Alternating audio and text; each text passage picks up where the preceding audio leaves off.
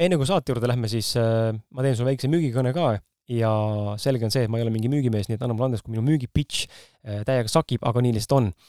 küsin sult esimese asjana kohe seda, kas sa oled varem mõelnud, kuidas oleks võimalik õppida erinevate edukate inimeste elukogemustest? Äh, kui jah, siis raamat Kontaktis endaga sedasama asja sul tegelikult teha aitabki. eelmisel aastal, eelmise aasta lõpus ilmus meil Million Mindset kirjastusega koos raamat Kontaktis endaga. niimoodi kõlas see raamatulehtede lappamine see on mul praegu siin käes, hea raamat. ja see raamat eh, sisaldab siis neljakümne kuue erilise inimese lugu, mis aitavad sinul saavutada eneseteadlikkust, õppida end paremini tundma, saada vabaks oma piiravatest uskumustest ning elada seejuures kergemat elu, mis tegelikult ongi meie, meie kõigi eesmärk, vähemalt minu oma. raamatus leiad vastused küsimustele nagu näiteks, kuidas olla autentsem, kuidas mõtlevad edukad inimesed, kuidas leida oma tee ja kirg, kuidas toimib ideaalne paarisuhe, kuidas saada lahti kompleksidest ja alaväärtustundest, kuidas vabaneda hirmust ja hukkamõistust, kuidas kuulata oma intuitsiooni ehk sisetunnet ja veel palju-palju teisi küsimusi, millele sa vastused saad, need kõik lihtsalt ei mahu praegu siia väiksesse reklaamiklippi. ja lisaks nendele küsimustele või nendele vastustele, mis sa saad nendele küsimustele, lisaks sellele kõigile muule, saad sa veel teada raamatust siis neljakümne kuue erineva eh, podcasti ausad mehed külalise nõuandeid, taipamisi ja soovitusi, kuidas saavutada endaga paremat kontakti, samuti kolmkümmend spetsiaalset raamatu jaoks kirjutatud väärtust andvat täiendavat lühilugu, samuti ausad mehed podcasti kirjaliku saadete kokkuvõtted, mis on koostatud minu enda poolt tegelikult ja ma olen välja noppinud isiklikult kõik need head mõtted nendest kõikidest mõtetest ühe saate kohta, nii et kui sa neid saateid kuulad, siis ma olen üsna kindel ja veendunud, et need mõtted sulle ka meeldivad, mis raamatusse pandud on. lisaks saad sa minu isiklikke mõtteväljendusi lugeda, ja samuti saad sa palju uusi teadmisi, praktilisi harjutusi, inspiratsiooni ja motivatsiooni sellest raamatust. ta on mõnus, mõnus käsikiri eh,, käsikiri jah, mõnus eh, käsiraamat, millega lattake endale või teistele vastu tatti anda verbaalselt ja kindlasti sealt motivatsioon sulle tuleb. raamat Kontaktis endaga eh,, ausad vestlused elus ja pildis, esimene osa kirjeldab esimest sadat maha peetud ausat, autentset ja värskendavalt toorest vestlust. kui sa soovid seda raamatut endale saada, siis ole ja mine külasta kriskala.com või miljon.ee lehekülge, minnes nende e-poodi ning endale see raamat sealt ka saad siis endale tellida. tellides selle kriskala.com kaudu on raamat tulemas ka autogrammiga või pühendusega. raamatu hinnaks on seitseteist, seitseteist üheksakümmend viis eurot ja sellega on äh, meie reklaam läbi. ühtlasi tasub ära mainida ka seda ka, et äh, meil on tulemas nüüd me, mina ausameeste podcasti juhina olen siis äh, seljad kokku tegelikult pannud äh, Veiko Valkjaniniga, kes on podcasti juhtimiskvaliteet on konkurentsieelis äh, juht. Ja me oleme loonud ühise sellise mm, veebikoolituse kehastuse või keha. Ja paremas kontaktis iseendaga on see nimetus. Ja me teeme iga kuu ühe veebikoolituse. esimene oli meil Rene Pürklendiga jaanuaris ja nüüd teine on juba tulemas, kakskümmend viis veebruar. On meil siis veebikoolitus Andrus Vanaga kus siis me räägime teemal, teemal nimega väline edu on sinu sisemise küpsuse peegeldus ja seekord see veebikoolituse keskseteks küsimusteks on, mida tähendab eh, sinu jaoks sinu sisemaailm loob sinu välismaailma ja kuidas hakata kasutama välismaailma peegeldust iseenda elu paremaks kujundamisel. nii et eh, kui on huvi, siis äh, ole hea, tule liitu Fienta kaudu või siis ausad mehed Facebookis leiad üles ka vastava event'i, pileti hinnaks on viisteist ja ühtlasi saad sa kaasa ka kiiremate asjade puhul siis äh, saavad kaasa ka endale esimese, esimese salvestuse Rene Pürklendiga. ja samasugune teine üritus on meil tegelikult tulemas ka juba märtsis, veebikoolitus Karolin äh, Tšarskiga, sensuaalsus ja seksuaalsus igapäevaelus. see toimub meil kaheksas märts, naistepäeval, ja selle ürituse puhul samamoodi jällegi, äh, pileti hind on viisteist, koos Veikoga korraldame ja seekordse veebikoolituse siis keskseks küsimuseks Karoliniga on see, et kuidas tuua igapäevaellu rohkem seksuaalsust ja sensuaalsust. ja, ja samuti saad sa teada siis, et äh, kuidas mõjutab seksuaalsus meie igapäevaelu, kuidas käsitleda seksuaalenergiat, kuidas kogeda orgasmi ilma seenepursketa, kuidas oma partnerit paremini tundma õppida, kuidas enda keha paremini tunnetama hakata, kuidas suhtes säilitada kirg ja intiimsus ja kuidas panna naise keha seksuaalselt avanema, nii et äh, kui vähegi huvi on, siis jälle ausalt mehed Facebook või fienta.com kaudu leiad ülesse, pannes otsingumootorisse ausad mehed eh, või siis eh, vastava inimese pealkiri, eh, siis peaks leidma, et kas siis Karolin Tšarski või siis hoopis ähm, Andrus Vana, et siis sa leiad üles need. ja kui, kui ei leia, siis ausad meeste Facebooki eventide alt leiad sa igal juhul need üritused ülesse. nii et jaa, kui vähegi huvi on, siis tule, et sada inimest mahub ruumi, praegu on küll piletid vähe ostetud, aga sellegipoolest Äh, on need üritused tulemas ja, ja iga kuu on midagi meie poolt välja tulemas, nii et jaa, vot, aga aitäh sulle tähelepanu eest ja ja nüüd ma lasen su saate juurde, ilusat kuulamist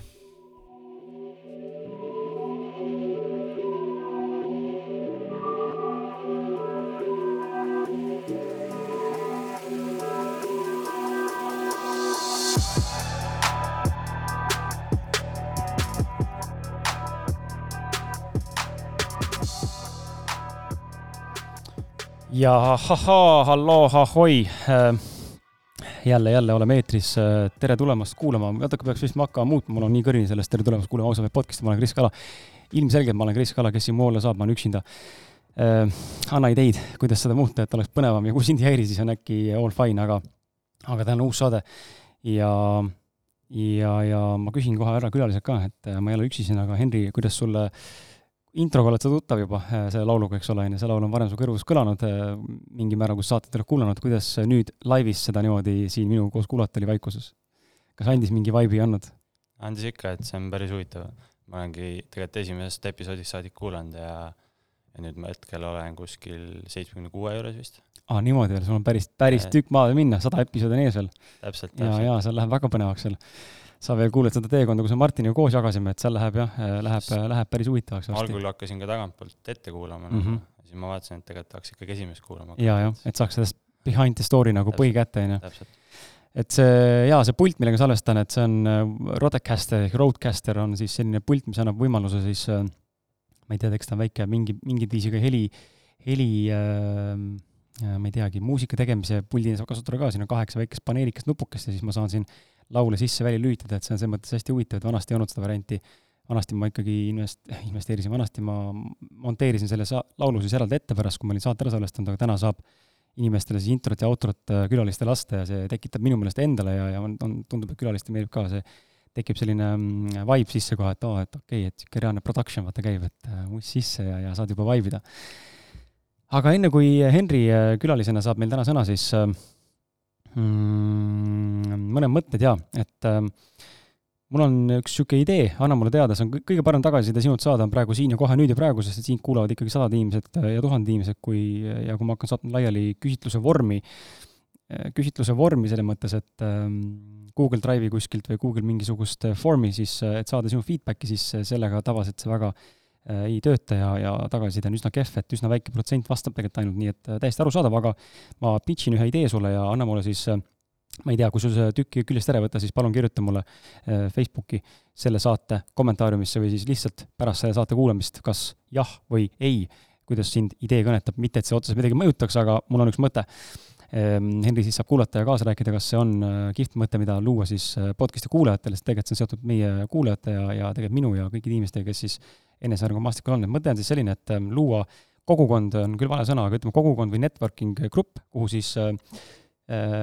kutsume liikmeid. Ja see on, liikmetasu on kuskil kuupõhine. Äh,, X summa, ütleme seal praegu jämedalt viisteist kuni kakskümmend viis euri. ja mida inimene siis saab sellest, on see, et äh, sisuliselt ta ei osta mingit teenust ega toodet, äh, ta ei maksa ka mulle, nii nagu oli meil tasuline podcast vahepeal, et toetasite mind, vaid äh, te maksate selle eest, et mina ja minu tiim saaks teile hakata korraldama erinevaid õhtuid, üritusi, praktilisi töötube, workshop'e, ma ei tea, reise kuskile, näiteks mingi ettevõtte digitagustesse, ma ei tea, mis iganes veel, et äh, ma tahan luua sellist networking keskkonda, kus on sellised üritused, kus ütleme, ideaalis neli korda nädalas, tähendab neli korda kuus, sorry, iga nädal üks kord on see mingi istumine, kas siis koos mingi külalisega ähm, või on siis mingisugune live podcast'i salvestus külalisega või on lihtsalt mingi arutelu, mingi paneel, äh, workshop, töötuba, praktika, mingi asi, eks ole, on ju, või, või on mingisugune kokkusaamine, üksteise jutustamine. Ja, ja see mõte on see, et me ühendame sellega network imisega, ehk siis tekib äh, selline väike omamoodi perekondlik äh, hõim, kogukond, äh, grupp, äh, gäng, crew, nimeta kuidas tahad, on ju, sõpruskond, vennaskond, õeskond, on ju, kes käivad koos ja, ja tegelikult ka raha ringleb siseringis, et võib-olla leiame sealt hoopis ka koostööpartnereid, uusi tuttavaid, noh, uusi tuttavaid kindlasti, aga tahaks luua sellist keskkonda, kus on koos võimalik areneda just enesearengu ümber, kuna enesearengu maastik on väga lai, siis ma ei pane piire, noh, lihtsad näited on sellised, et võime minna vabalt kuskile nagu ma ütlesin, näiteks äh, Change Kristjan on meil krüptopanga omanik, tema näiteks kontorisse rääkida või vaadata, kuidas seal töö käib näiteks, või, või kui iganes, kas või Henri, kes täna siin tegeleb meil motokrossiga, siis minna vaatama, kuidas Henri tegeleb oma laste treenimise või motokrossi asjadega, saame äkki proovida mingi tsiklisõitu või no neid variante nagu palju, eks ole, luua selline keskkond, lihtsalt liikmed põhimõtteliselt ise, ise hoiavad üleval seda oma kommuunina, oma tasuga. et äh, andke teada, kuidas niisugune mõte tundub ähm, ja, ja need oleksid lisaks nagu ausameeste podcast'ile lisa nagu salvestused. Ja need salvestused, mis me seal salvestame, läheksid siis kuskile privaatsesse kohta kuulamisse, vaatamisse, järelvaatamisse ka, kui sa osaled ei saa mingil põhjusel kindlal nädalal, aga avalikult need üles ei tule. nii et äh, andke mulle teada Henri saab siis mulle siin kohe sissejuhatuse juures äh, veel järel öelda ka, mis mõtted tal tekivad ja kas see võiks olla asi, mis äh, tõesti võiks nagu huvitada või mida saaks nagu teha paremini, et see rohkem väärtust oleks. aga äh, see on siis idee, lähme tänase külalise sissejuhatuse juurde ja täna istume stuudios koos Saaremaalt pärit Henri Haramaaga, kes on kahekümne viie aastane motokrossi treener Kiili motoklubis. Henri on praeguseks veendunud, et see on see, mida ta siia tegema on tulnud nagu ta iseenda kohta ütleb, siis lasteaiast kuni gümnaasiumi lõpuni oli ta iseenda ja paljude teiste arvates täiesti saamatu nagamann, kes suutis ainult sitta keerata ja sellest, kui palju sitta ta keeras ja milline ta oli, kindlasti räägime. Äh, isegi kehalise kasvatuse tunnis ähm, oli ta enda mäletamist mööda kõige kehvem, mis kindlasti ühele areneva noormehele teinekord hästi ei mõju, aga samas ei näita ka tegelikult seda, milleks inimene võimeline on, et see on lihtsalt üks äh, valdkond elust, mis võib-olla mingil põhjusel siis äh, ei ole päris see. Henri on alates seitsmendast eluaastast motokrossiga ise tegelenud, kuid pere ja kõigi teiste survel tuli ta siiski Tallinna soojusenergeetikat õppima. paka käes sai ta kiiresti kogemuse ja veendumuse, et ei suju mitte ükski asi sellel erialal. aasta kaks tuhat kakskümmend kevadel käsikäes siis koroona äh, nii-öelda epideemia või nagu tulekuga hakkas Henri motokrossi trenne andma ning umbes samal ajal sai ta koondamisteate põhitöölt energeetika valdkonnast, nii et tundub, et elu on mingil määral viinud just meelega nii, nagu on vaja, kaardid on mängitud välja täpselt sellised, nagu on vaja, kronoloogiliselt. ja, ja kui kronoloogiline see olnud on või kui, kui valuderohke või valudevaene, seda me saame ka täna teada, nii et sellise väikse sissejuhatusega siis tere tulemast äh, podcasti Ausad mehed! aitäh, väga meeldiv on siin olla. Et nagu ma ennist rääkisin ka sulle, siis oli ka nagu natuke manifesting. et kuulasin teie podcast'e, tahtsin siia saada ja siin ma olen. See on, äh, minu arust on see väga lahe ja mulle just meeldis nagu see, et sa tõid välja selle ka, et et sa oledki üks nendest meestest, kes hakkas alguses pihta kuulama, meil on päris palju inimesi kirjutanud, alguses hakanud kuulama, see on tohutu nagu väga suur tunnustus, see on nagu retsid mahtu seal üle saja tunni kindlasti kuulamist, et noh, sa paned ikka väga suure osa enda elust selle alla. E,. ma ise olen selles mõttes, miks ma tunnustan seda, sest ma ise olen samasugune, ma olen siin ka mõned podcast'id ette võtnud ise niimoodi, et ma hakkan esimesest episoodist peale jõuan siis kolmesajanda pluss, ma ei tea, episoodini, et see on nagu äge kuulata ka selle saatejuhtide või siis saatejuhi e, teekonda, kui ta neid vahepeal midagi jagab mingil määral ja, ja nagu näha, kuidas inimene areneb, kas siis äh, noh, diktsioonilt või, või eneseväljenduselt või mõtteviisilt või, või mis elus teistmoodi muutub mis ta ära reaalselt teeb, on ju, mis ta on lubanud teha, mis pole õnnestunud, mis on õnnestunud ja mis on rohkem tulnud täita. et selles mõttes on kihvt nagu näha, kui suudad nagu mõelda ja siis tõmmata endaga paralleele ka, et et äh, ma arvan, sellise teekonna nagu jälgimine, kas siis lugedes kellegi blogi või podcast'i kuulates, see on hea viis nagu näha seda, et äh, noh, see on ikkagi väga pikaajaline protsess ja siis sa võib-olla võimalus tõmmata enda eluga nagu selles mõttes äh, paralleele, et ei pea täna kohe nüüd ja kohe kõike saavutama, vaid see ongi pikaajaline protsess ja see on okei okay,, kui võtab viis aastat aega, et jõuda kuskile, aga et kui ma annan alla, siis ma ei jõua kuskile, on ju. täpselt, et see ongi huvitav seda story't ja kõike seda jälgida ja ongi just see progress, et, et kui hakkadki niimoodi esimest episoodist kuulama, siis, siis sa kogu aeg näed, kuidas see asi areneb ja kuidas see teie elud ka siis Martiniga kulgesid, et et see on nagu väga huvitav, aga selle kogukonna teema pealt mina näen küll, et see oleks väga kasulik, asjalik sest jällegi keskkond on ju see, mis, mis tagab selle, kuhu, kuhu sa liigud või mida sa teed, on ju. et, et ja mina praegu tunnen ka võib-olla kohati, et ma olengi nagu mingil määral üksi sellel enesearengu teel ja pikalt nagu olen ka olnud, on ka mõningaid sõpru, kes sellega tegelevad, aga noh, kogu aeg me võib-olla ei suhtle, ei saa kokku, ei räägi, on ju. et niisugune kogukond kindlasti aitaks, aitaks teha nagu, aitaks edasi viia kõik, kõiki meid koos. Äh, mis sa ise tunnetad, mis selline summa võiks olla, mis sina kui indiviidina näiteks oletame, kui niisugune asi oleks olemas, kus sa tunned, et on okei okay panustada, aga ma unustasin sellega öelda, et need kohtumised, mis meil olema hakkavad nii-öelda või mis mõttes on, neid kohtumisi õhtuid äh, nädalas korra teha, siis need alati on need äh, ka söögiga, et suupiste värgid, et ma näen, näen nagu täispaketti, et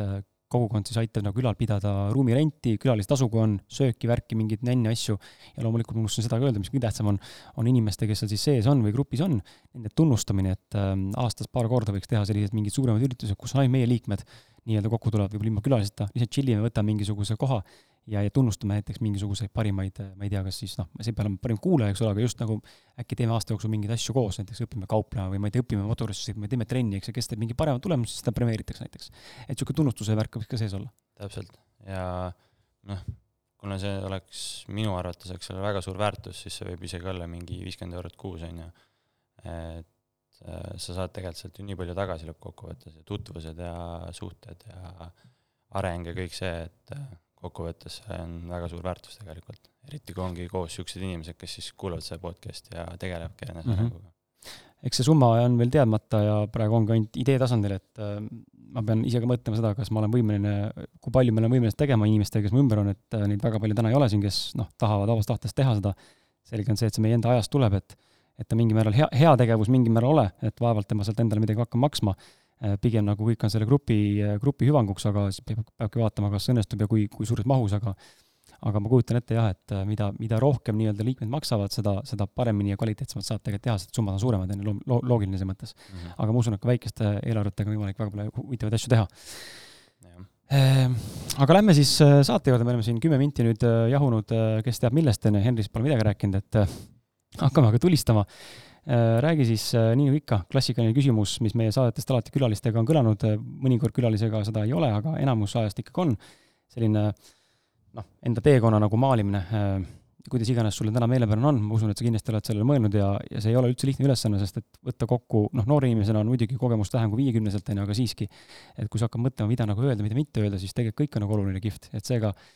noh, meil on olnud inimesi, kes siin räägivad nagu Veiko Huuse, on ju, rääkis tund aega oma lugu, on ju, ma ei jõudnud peaaegu üldse muude küsimusteni, on ju. Mhm. et äh, ja samas mõni räägib viie minutiga, et see on nagu up to you, et anna tuld, hakka visad pihta, kust tahad ja jõua kuidagi tänasesse päeva. üldiselt ma olen alati olnud pigem niisugune juhi, lühikese jutu mees, aga jällegi enesearenguga seoses siis olen nagu suutnud ka rohkem väljendama hakata, hakata ennast. aga põhimõtteliselt jah, siis Saaremaalt alustasin oma eluteed Kuressaare haiglast, siis ma ei tea, lapsepõlve ma väga ei mäletagi, et on niisugune must auk nagu. siis käisin lasteaias, seal nagu oli mul juba mingeid probleeme teiste lastega, ei saanud läbi ja kiusamised ja noh, niisugused erinevad probleemid. Siis algklassides oli see nagu eriti hull, et oligi väga palju koolikiusamist, väga palju probleeme, käisime kogu klassi poistega, käisime psühholoogi juures ja üritasime neid ära lahendada ja noh, kiidan jällegi seda psühholoogi, kes, kes minu koolis oli, et ta suutis minuga midagi teha, ma ei tea, mida, aga nagu pärast seda ma neid asju ei mäleta, rahunesin maha kuidagi, noh, elu läks hoopis paremaks ja mõnusamaks. siis põhikoolis ka mingil määral oli ikka see kiusamist, kaklemist, pättusi, noh, nagu ikka põhikooli poisid, et niisugune sihuke huvitav aeg. ja noh, ma tun-, tunnengi, et gümnaasiumis seda nii väga polnud, aga põhikooli ajal just oli niisugust eneseavastamist, tähelepanu otsimist võib-olla, et oligi, mis ma tegin seal koolis, lõhkusin mingeid aknaid ära ja uksi ja noh, kogu aeg oli mingi, mingit jama, et jälle mingi direktori juurde käskkirjad, asjad, vanemad on jälle koolis, et jälle Henri on mingi jama kokku keeranud, et see oli päris huvitav. aga no, noorena oli see pigem ju noorena poisina, ma mõtlen ka, et see oli pigem ju selline, selline äge asi, vaata, et lõid midagi puruks teinekord ja tegi midagi sellist, mida keegi teha ei julgenud, siuke rebel vend, vaata, et keegi ei julge, ma tegin, pohhu, mis saab, onju. et ise vastama ei pea, väike poiss, ema isa maksavad või noh, mis iganes mõtted seal tekivad, aga just see, et täpselt. pigem oli nagu chill, kui ära tegid midagi. täpselt, ja siis küsiti ka, miks sa tegid, siis on nagu see, et ma ei tea, miks ma tegin. Aga see oligi, tagantjärgi ma vaatan, et see oli siuke piiride kompamine. et leidagi siis üles elus need piirid, et nagu mida siis võib teha, mida ei või teha. noh, mingil määral oligi siuke otsimine et äh, hiljem nagu ma saan aru, et ei ole seda probleemi ja päris palju ka koolikiusamisega seoses siis oligi seda jama, et ene-, eneseusku polnud, oligi madal enesehinnang, siis ka spordis samamoodi, nagu ennem just sissejuhatuses ka mainisid, et mitte mis, mitte ühegi asjaga ma hakkama ei saanud, on ju, aga samas, kui sa võtad nüüd kooli jälle, seal ongi ainult ju kergejõustik põhimõtteliselt kekatunnis. ja ongi, kui sa sellega hakkama ei saa, siis tundubki nagu, et sa oled kõigest saamatu ja eks ma samas olin ka ja ma olin alati ka klassi kõige noorem, kuna mul on suve lõpus sünnipäev, siis kogu aeg nagu oli see võrdlusmoment, et noh, ei saa hakkama, ei saa hakkama. ja ongi, enesehinnang langes, sporti ei tahtnud teha, noh, keeruline oli, ütleme nii. Ja tegelesin motokrossiga, tegelesin teiste sportidega, proovisin erinevaid asju, kuidagi sinna krossi juurde alati jäin, isa, isa pani mind sõitma koos ühe sõbraga. ja siis mingi kolmeteist, neljateist aastat käis klikk ära selle krossiga. Ja siis hakkasin nagu rohkem sporti panustama, aga noh, teistes alades ikka koolis nagu väga hea ei olnud, eks vaikselt arenesin, läksin paremaks, kuskil puberteedieas hakkasid lihased kasvama, noh, nagu hakkas, hakkas mingi areng toimuma. Ja siis, siis jah, peale gümnaasiumi käisin kohe Kaitseväes ära, läksingi vabatahtlikult, ütlesin, et teen selle asja ära, vahet ei ole, pärast ei pea hakkama jamama, et see oli nagu hea otsus. Kaitseväes ka siis füüsiline vorm, see läks ikka väga käest ära, et seal kakskümmend viis protsenti meestest kukkus välja tervise pärast, mina ise olin ka lõpus nagu päris vigane enda lampjalgsuse pärast, mis on nagu lamp asi tegelikult, aga koormusega oli see päris karm. ja siis pärast, pärast kaitseväge siis kohe läksin ülikooli, kus ma olin tegelikult juba sisse astunud enne kaitseväge. ja läksin siis bakalaureusekraadi tegema soojusenergeetikas. et samamoodi oli see, et peale gümnaasiumi nagu kõik on sur-, sur-, survestavad, et midagi peab tegema, kuskile kooli peab minema, kõrghariduse peab saama, on ju. ja siis ma nagu otsisingi, vaatasin, võtsingi ülikoolid kõik lahti, vaatasin, mida ma õppida ei taha. võtsin kõik asjad, sorteerisin välja, siis leidsin ka üles, mida ma tahaks õppida, siis mõtlesin nende vahel, kandideerisin ka mitmesse kohta. Ja lõpuks siis kuidagi soojusenergeetika tundus nagu, ma ei tea, sisetunde järgi kõige õigem. Ja läksin ka õppima, tegutsesin seal. Ja kui ma siis bakalaureusekraadi kätte sain, siis lõpuks oli mul nagu see eneseusk ja enesehinnang ja kõik see oli tagasi ja mul ei olnud nagu kahtlust endas. et see oli nagu hästi huvitav, see teekond jälle, et see oli nagu vajalik, see andis väga palju juurde, tagantjärgi vaatan, et oleks pidanud võib-olla teise eriala võtma, et oleks pidanudki mingit kehakultuuri või midagi sellist minema õppima, aga sellel ajal ma ei olnud veel enesearenguga tegelenud, kui ma enne bakalaureust ja ma ei olnud ka veel üldse treeneriameti peale mõelnudki, see oli täiesti nagu, mis mõttes on ju, et, et kehalise kasvatusega ei saa hakkama, et miks sa peaksid mingi treeneriks hakkama. ja siis ma läksingi magistrit õppima veel kohe edasi, mis tundus loogiline samm, et ah, see kaks aastat, et see käib lihtsalt. tegin kõik magistriained ära, hakkasin lõputööd tegema, kuidagi venitasin natuke, ei sujunud see asi, siiamaani nagu tegelikult äh, sellel sügisel siis, mis oli, siis tegingi enda lõputööga, tegelesin päris palju, aga ma nägin, et ma valmis ei jõua, et siis läheb asi jamaks ka. ja siis pidingi jah, nagu koolist, koolist välja võtma lihtsalt paberid, et hiljem saab selle magistriaalti ära kaitsta. aga hetkel jah, selle kevadega siis seoses asjad muutusid väga palju, et kui ma saingi koondamisteate, siis samamoodi nagu sina kunagi podcast'is rääkisid, oli see, et tundsin, et see on nagu kergendus, et see on nagu õnn ja tagantjärgi ma vaatan ka, et võib-olla ma ei olnudki seal tööl hea, sest et mulle nagu nii väga ei meeldinud see. et elu, elu on jällegi see kronoloogia ja kõik on sihuke huvitav. Ja kui su sisetunne ikkagi ütleb, et see on jama, siis noh, ongi hea, kui see asi nagu ära kaob tagant, et ja töökohtadega ka siis sellel soonenergeetika erialal mõtlesin, et oo, lõpetad ülikooli ära, pappi tuleb, oled mingi kõva insener, on ju. aga noh, keegi nagu sellele ala maksta väga ei taha, pole nagu, mina vähemalt ei ole leidnud töökohti normaalseid kevadel samamoodi, ma saatsin üle saja CV igale poole. üheksakümmend protsenti ei andnud isegi vastuseid. ühes kohas erialatööl käisin rääkimas, palganumbri ütlesin, out, mitte ühtegi kontakti enam. Ja siis jah, kuidagi jällegi elu viis, viis sinna suunda, et sattusin jälle südamelähedasele töökohale, et siis tegelen praegu, olen töökoja juhataja ja minu all on kolm mehaanikut, ja siis ongi hooldama ATV-si, ette, kelke asju PRP keskuses.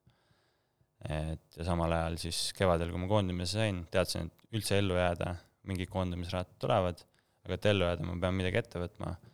Ja siis oligi natuke, tegin mustalt, käisin ühe sõbraga ehitamas ja samal ajal andsingi trenne, eratrenne, grupitrenne, asju, hakkasin nagu pihta. ja tegelikult nagu eelmisel talvel oligi juba plaanis see, et trenne alustada aga siis planeerisime, planeerisime, planeerisime, veebruaris tegime ühe proovitrenni ja siis vist tuli see koroona asi peale ja ootasime nii kaua, kuni poole maikuuni vist. ja poolest maist siis olime, et okei okay,, enam-vähem maha rahunenud, lükkasime asja käima, siis mõtlesin ka, et okei okay,, kui mul tuleb mingi neli või neli kuni kuus last trenni, et on väga hästi juba. ja siis hetkel mul on ligi kakskümmend, kakskümmend inimest trennis, et see on nagu väga väga suur kasv tegelikult ja hetkel on ka väga suured plaanid ees, et, et ja kuidagi ongi nagu niisugune flow, nagu sulgi on selle podcast'iga. üldse, kui ma juba siia tulin, siis ma nägin, et sa oledki juba oma flow's ja kuidagi see asi lihtsalt istub. Ja mina nagu samamoodi tunnen selle treeneri asjaga, et see istub lihtsalt, et, et nende soojusenergeetika eriala töödega oli ka see, et ühes firmas ei koheldud mind hästi, läksin ära, teises firmas on koondamise, on ju, noh, tahad saada sinna erialale, lihtsalt ei saa, lihtsalt, lihtsalt elu ütleb, et ära jookse vastu seina, on ju, võta midagi muud ette. ja siis jah, siin, siin ma olengi, see treeneritöö tundubki, et see kasvab, kasvab nagu päris, päris jõudsalt ja eks see näis, mis tulevik toob, et kas, kas ma siis varsti olengi ainult treener, et et niisugune noh, siis ma ei tea, kas see on lühidalt või pikalt, aga see on siis minu nagu maine teekond nii-öelda praegu. võib-olla mõni asi unus ka ära, aga aga jah, nii see, nii see on läinud Mm, no kui see, mis ära unustas, tuleb, tuleb nagunii jutuses välja, et ma igaks juhuks mainin ka sulle, Henri, ja kuulajatele, et kui tagataustalt on kuulda õrnat muusikat, ma ei tea, kui hästi see praegu kostub, eks mina klappides kuuleme siin, aga meie, aga see on sellepärast, et me salvestame ProGeari ruumides. aitäh, ProGear ja aitäh, Raivo Sinijärv ja kogu ProGeari tiim, et lubate meil siin salvestada. aga me peame sellega arvestama, kui all on kliendid saalis, kliendid tahavad testida vahepeal muusikakeskused ja osta mingeid süntekad ja mingisuguseid klaverid, asju, siis peame leppima sellega, et vahepeal võib tulla mingisugust müra läbi, väga tihti seda ei ole, aga tundub, et täna lastakse täiega, aga on nii, nagu on sinu loo juurde tulles, siis äh, jaa, see paneb, noh, seal on mitu küsimust, eks ole, tekib juurde kohe ja, ja sealt saaks kohe etapiliselt minna ja tahangi minna sellise etapilise järguga, et hüppame korra sinna kooli aega tagasi. ja kas sa oled nagu ennast nagu analüüsinud ja, ja mõelnud ka selle peale, et kui palju oled sa olnud mõjutatav äh, nooremana ja kui palju sa oled mõjutatav täna äh, inimesena, sest et me räägime kõik sellest, et olla äh, sina ise, teada, kes sa oled, on ju, ja samas räägime sellest, et äh, osad inimesed on väga lihtsasti mõjutatavad, teised on väga raskesti mõjutatavad ja või võib-olla mõni pole üldse mõjutatav. siis äh, miks ma seda küsin, on sellepärast just, et äh, need pättused noorena, mis tehtud sai nii-öelda siis äh, noh, ütleme algkooli või põhikooli neid alumisi klasse ei arvesta, eks ole, ütleme kuus-seitse, aga just nagu seal gümnaasiumit ja põhikooli lõppu, kus sa nagu ise teadlikult rohkem mõtled ka, on ju. et kui palju sa oled näinud seda, et tegelikult see niisugune pätilik äh, või niisugune naga, nagaks olemine tuli tegelikult äh, kellegi survestatuselt või nii-öelda manipulatsioonilt või nagu soodumuselt, et sa hängisid koos selliste inimestega ja, ja kuidas sa näed täna seda asja, kui keegi hakkab sind millegagi survestama, kes sa täna ise võib-olla ei ole, siis kui väga sa tegelikult lähed sellega kaasa või oskad pigem öelda konkreetselt ei või jaa kindlasti see areng on ka jälle metsik olnud, et äh, noh, nooremana oligi see, et oo, tahaks lahe olla ja teistele meeldida ja et ma teen selle jama ära, vaata siis kõik vaatavad, oh, see vend tegi siukse asja, et noh, tundus nagu päris äge, sihuke pätilik, aga aga jah, mida edasi, seda vähem ma nagu lasen ennast mõjutada ja ja olengi nagu tundnud seda, et olengi saanud rohkem indiviidiks, tean, mis ma tahan, tean, mis ma teen, nüüd seda enam, kuna ma olen nagu lastetreener, siis pärast ka räägin selle, sellest rohkem aga ma olengi neile nagu iidol ja ma peangi nagu, see on nagu kohustus, aga samal ajal see on nagu suur nagu õnn ka, et, et nemad nagu vaatavad, mis mina teen ja kuidas mina käitun ja ja vastutus ka mingil määral. täpselt, jah, vastutus, seda ma tahtsin ka öelda, et ongi nagu suur vastutus, samal ajal on suur õnn, on ju, et, et see on nagu väga, väga huvitav ehm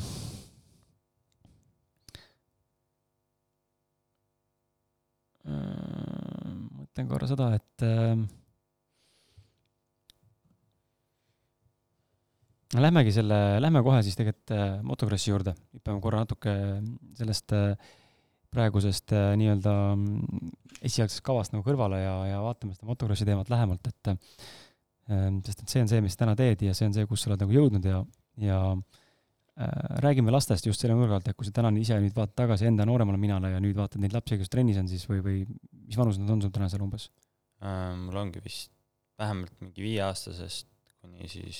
kaheksateist aastasteni okay, ikkagi suht varieeruvus on lai. ja nüüd ma olen vaikselt ka võtnud enda suuremasse gruppi siis ka tema täiskasvanu juurde mm. -hmm. just selle nurga alt, et äh, mi-, kuidas sa nagu oled ise märganud, et äh, miks, miks osad lapsed on võib-olla sellised agressiivsemad ja vaata, sa mainisid tähelepanupuudust äh, nooremana ja, ja see on, või tähelepanuvajadust ja see on täna ka tegelikult ka aktuaalne inimeste seas, kes on ju tegelikult täiskasvanud ka, on ju et miks me midagi teeme, sellepärast et äh, tahame tähelepanu saada, et seda ma alles mõistsin hiljuti ise ka läbi, jälle noh, korduvalt mõistad seda, aga mingi aeg mõistsid jälle läbi sotsiaalmeediat ise ka. vahepeal teed mingeid postitusi, siis tegelikult saad aru, et sealt kummal oli tegelikult mingit tähelepanuvajadust, et nagu miks ma seda teen, on ju, miks ma seda vajan. ja, ja see eneseteadlikkuse koht on see, mis aitab seda siis nagu märgata varem või hiljem, on ju, või, või, või siis kui puudub eneseteadlikkus, siis ei märka sa üldse seda, et äh, sa tegelikult oled äh, üks väike laps, kes vajab lihtsalt kogu aeg tähelepanu, on ju, või kiitust väljapoolt et mis sina nagu näed nende laste puhul, mida lapsed tegelikult vajavad ja mida sina treenerina kõige rohkem äh, neile pakkuda üritad? Äh, lapsed vajavadki kõige rohkem seda vanemate tähelepanu ja ongi see kasvatuse koht jälle, et äh,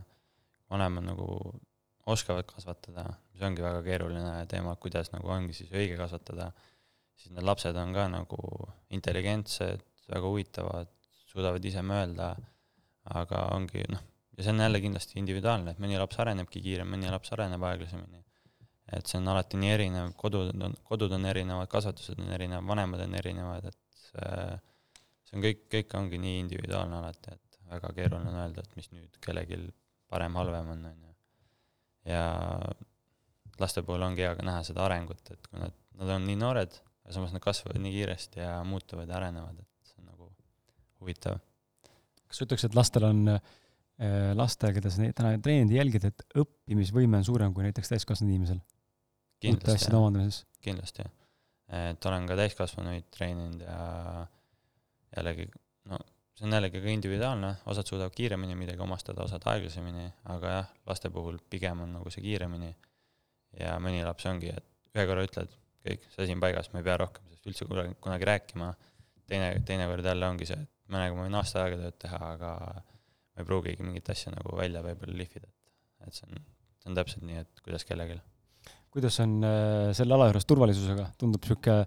noh, motokross ja, ja ekstreemsport, vahet pole, mis ekstreemsport on nii-öelda, siis äh, seal ikkagi on äh, vigastuste noh, näitaja nii-öelda konfitsient võib olla veidi suurem kui kuskil, ma ei tea, jalgpallis või kuskil käsipallis ja korvpallis, eks ole.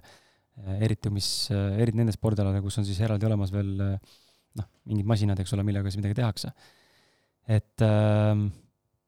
räägi äh, räägi just selle koha pealt, et kuidas, äh, kuidas on võimalik reaalselt mingit nelja-viieaastast last panna nagu sikli selga või kuidas sinu see teekond hakkas, et äh, hakka rullima enda teekonnas, kuidas sa üldse sikli selga panid, esimest korda läksid ja mitu, mitu, mitu korda sa ennast seal nii-öelda lõhki kukkusid, enne kui sa said aru, et tegelikult see on okei okay ja turvaline? jah, see ongi see, et mina hakkasin umbes seitsmeaastaselt sõitma, täpselt ei mäleta ka, enda arust oli kuskil seitse isa juba sõitis mõned aastad, tal oli ka lapsepõlves see mingi haigus sees juba, et sõitis seal võrridega, aga siis ei olnud nagu tehnikat, vanemad ei tahtnud, et ta sõidaks. siis ta ostis täiskasvanuna tsikli endale, hakkas sõitma, tegelema sõbraga koos. sõber oli, et ostan poisile ka tsikli, las hakkab ka sõitma, las hakkab proovima. sain selle kätte, esimene trenn läksin, siis kartsin seda meeletult, meeletult lihtsalt värisesin hirmust põhimõtteliselt ja ei julgenudki nagu väga sõita. jalad ei ulatanud ka maha, tsikkel oli liiga suur tegelikult ja siis oligi lihtsalt, käisin kaasas, tegin, sõitsin, kartsin, proovisin, mõned korrad kindlasti ka kukkusin ja siis sellele esimese tsikli mõned korrad jäi ka gaas peale, panin kuskile hunnikusse täiega.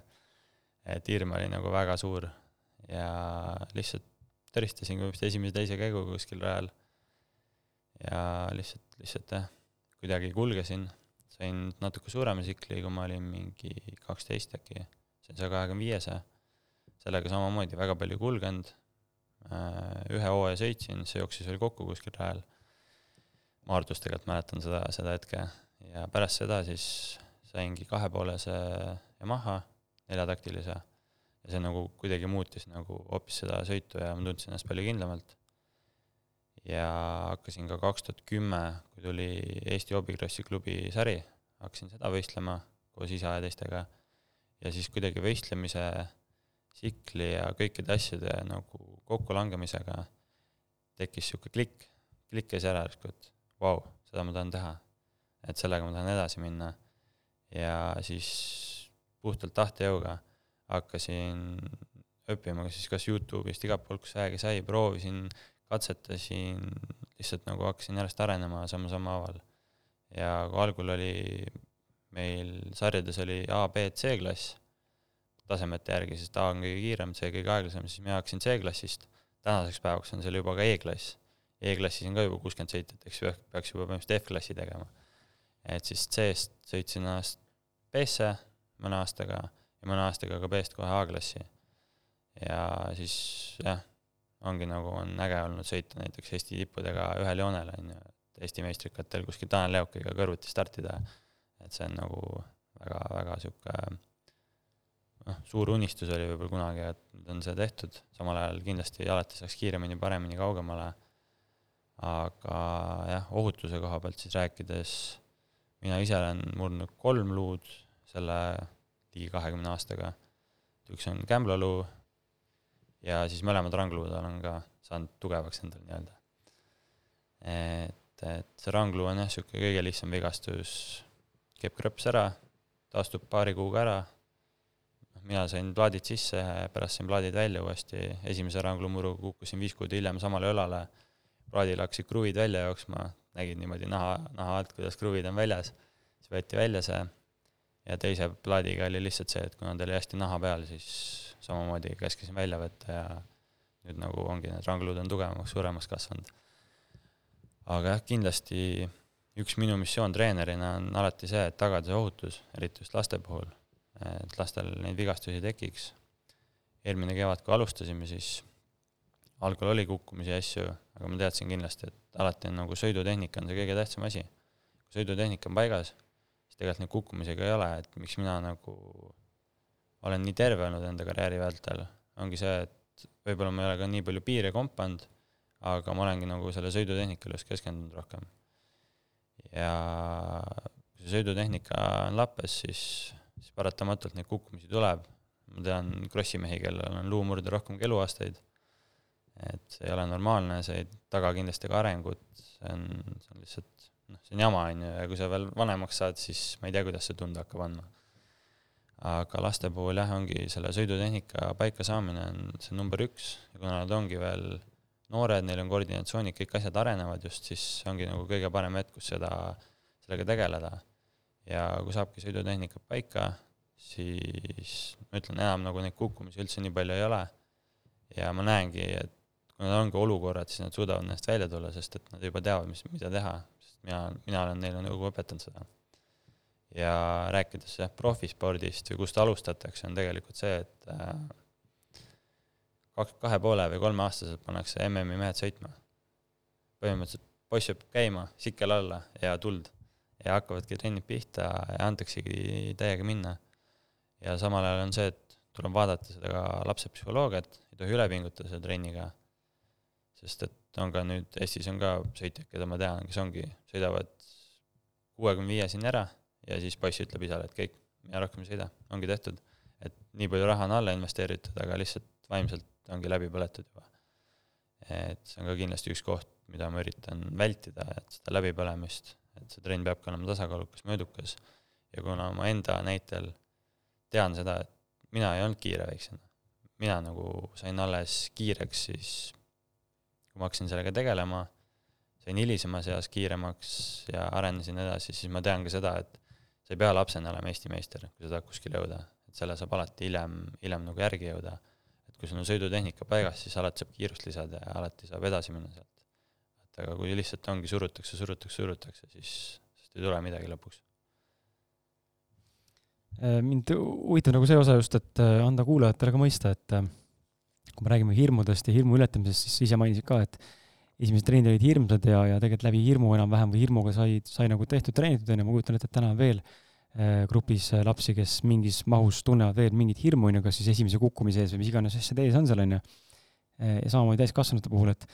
kuidas ja mida oskad sina siinkohal inimestele nagu soovitada, kes kes soovivad oma hirmudest üle astuda, et mis on see kõige parem valem, mis sa nagu oled tähele pannud enda puhul või märganud üldse või, või teiste inimeste puhul või õppinud või kuskil lugenud, et kuidas tulla hirmust üle eh, ja kuidas hakata päriselt nagu tegutsema, kui sul see soov on? hirmuga ongi see, et see on mingil määral jälle ülemõtlemine ja mingil määral võib-olla sa teadki sisemalt, et sa peaks seda asja tegema, aga kardad, on ju. Et ega ma ise ka kunagi kartsin päris palju mingi avalikku esinemist ja rääkimist, nüüd ma olengi kogu grupi ees, ma pean sellega tegelema ja teine asi kindlasti, kui ongi näiteks ekstreemspordi näide võtta või üldse elus näide, siis tuleks leidagi keegi inimene, kes on juba sellega tegelenud, kes on selle teekonna läbi käinud, siis tema oskab läbi viia sind sellest ja ütlebki, et see on normaalne, et algul ongi hirmus. või et noh, mingid sammud peabki ära tegema ja siis see asi nagu muutub. et noh, krossitreenerina samamoodi. Et ma viingi neid nagu nende sammudest läbi, saangi sõidutehnika paika, ütlengi, et usaldage mind, proovige seda, tehke seda, öelge mulle, mis te arvate, et alati ma küsin nagu nende enda arvamust, et mis nad nagu sellest siis arvavad ja mis nad teisest asjast arvavad, et et nad nagu enda toega leiaks ja suudaks ikka intelligentselt tulevikus ise mõelda. ma arvan, meie kuulajaid huvitab ja mind ennast huvitab ka see ja ma usun, et see küsimus on meil paljudes äh, elulistes aspektides meie peas olnud, äh, aga, aga just selle koha pealt, et äh, räägid siin sõidutehnikast, eks ole äh,, ma tahaks selle üles heita selle, sellise nurga alla just, et mis annab, mis annab sulle õiguse, mitte ma siin nüüd maha teeksin, aga just nimelt nagu provokatiivselt, mis annab sulle õiguse öelda täna, et sina tead, milline sõidutehnika on nii-öelda parim ja kuidas anda kuulajale mõista, kui kuulaja teab, et ta milleski täna on pädev näiteks või midagi tõesti õppinud pikalt või kogenud, lugenud, ja ta on sellest ennast harinud selles valdkonnas, on tekkinud mingisugune tarkus selle valdkonna kohta, siis kuidas äh, kuidas panna seda inimest või kuidas saab inimene panna ennast tundma mugavalt ja enesekindlalt, et ta on võimeline selles valdkonnas teisi inimesi õpetama? kas selleks on vaja tulemusi, kas selleks on vaja lihtsalt tarkust, kas selleks on vaja kogemust, kas selleks on vaja kõike kolme või mis selleks tegelikult vaja, mis X-faktor on, mis paneb sind nii-öelda annab sulle õiguse ka teisi inimesi õpetada? mina ütleks kindlasti on see, et proovida, lihtsalt proovida ja kui sa tunnedki, et sa oled millekski pädevam kui keegi teine, siis ongi algul lihtsalt proovidagi õpetada lihtsalt niisama ja vaadata, kui see õpetamine toimib ja sellele teisele inimesele ka see sobib, siis järelikult teed ju midagi õigesti. et eks ma samamoodi algul kartsin, et kes ma olen siis, on ju, et noh, kuskil A-klassi tagaotsas sõidan, et noh, kiirust nagu ei ole, samal ajal nagu midagi oskan teha ka, on õpitud on väga palju, erinevate treenerite juures on käidud elu jooksul, küll vähe võrreldes teistega, aga eks oligi see, et ma teadsin, et mul on mingi tõde sees, ma teadsin, et ma suudan midagi edasi anda, käisin ka paar aastat tagasi, oligi lihtsalt see, et sõitsin ise vähem, olin rohkem võistlustel kohal, jälgisin lihtsalt teisi sõitjaid ja nägin lihtsalt nii, nii hulle vigu, ma vaatasin, et no lihtsalt, lihtsalt tahaks silmad kinni panna ja mitte vaadata, et lihtsalt nii ohtlik on see kross, kui, kui asjad ei ole paigas ja umbes minnakse peale sinna. Need on siis sellised vead, mida ise nii-öelda siis lenksu taga olles ka teinekord ei märka või? või pigem ongi vaatlemise tulemusena võimalik märgata, kuidas teine käitub ja siis mõtled, et äkki, äkki ma ise teen sama jama, eks ole, on ju. pigem ongi see vaatlemise tulemusena, et kui vaatad tänapäeva sporti, siis kõigil proffidel on samamoodi treenerid. samamoodi keegi peab kogu aeg jälgima, sest et sa ise võid arvata, et sa teed ühte asja, aga kõrvalt teised, teised inimesed näevad sind ju ja saavad sind analüüsida ja tagasisidet anda. Ongi see treenerid ja coach'id ja kõik siuksed asjad igal elu, igas eluvaldkonnas tegelikult aitavad ju kõrvalt jälgida seda ja alati edasi viia seda asja. et, et jah. küsiks ka siis äh, sellise nurga alt, et äh, sa täna ise äh, põhimõtteliselt krossi väga ei sõida, sa ei võistle enam nii-öelda, nagu ma aru saan, profitasemel enam ei tee seda? tegelikult ikkagi eelmine aasta ma sõitsin kaasa ja sellel aastal ka uuel hooajal siis üritan nii palju kaasa võistelda, kui ma saan mm. -hmm. aga suurem fookus ikkagi, pigem sa näed tuleviku perspektiivi mõttes on, on nagu treeneri ametil? pigem küll jah, et seda ma naudin nagu oluliselt rohkem. igas trennis on mingid hetked, kus ma olen lihtsalt põhimõtteliselt pisarateni õnnelik, sest vaatan, et mis ma olen nagu suutnud nende, nende õpilastega teha ja kuhu me edasi nagu liigume mm -hmm. no ma siis küsingi ikkagi sama küsimuse ära, ehitan siis selle ümber niimoodi, et oletame, noh, sa tegelikult sa oled selle valiku teinud, eks ole, suuremas mahus, sa tead, et sa tõenäoliselt kuskile, ma ei tea, olümpiale või maailmameistriks ei hakka pürgima, on ju, mitte et seda võib-olla pädevust ei oleks, aga et see ei ole su eesmärk enam nii tugevalt täna sellesse nii väga enam ei panusta, küll aga treeneri töösse tahad sa rohkem panustada, nüüd on see küsimus, et millega inimesed paljud täna silmitsi on ka inimesed oma valdkondades, et millal eh, noh, siin on üks sama valdkond, eks ole, lihtsalt erinevad suunad, aga on ka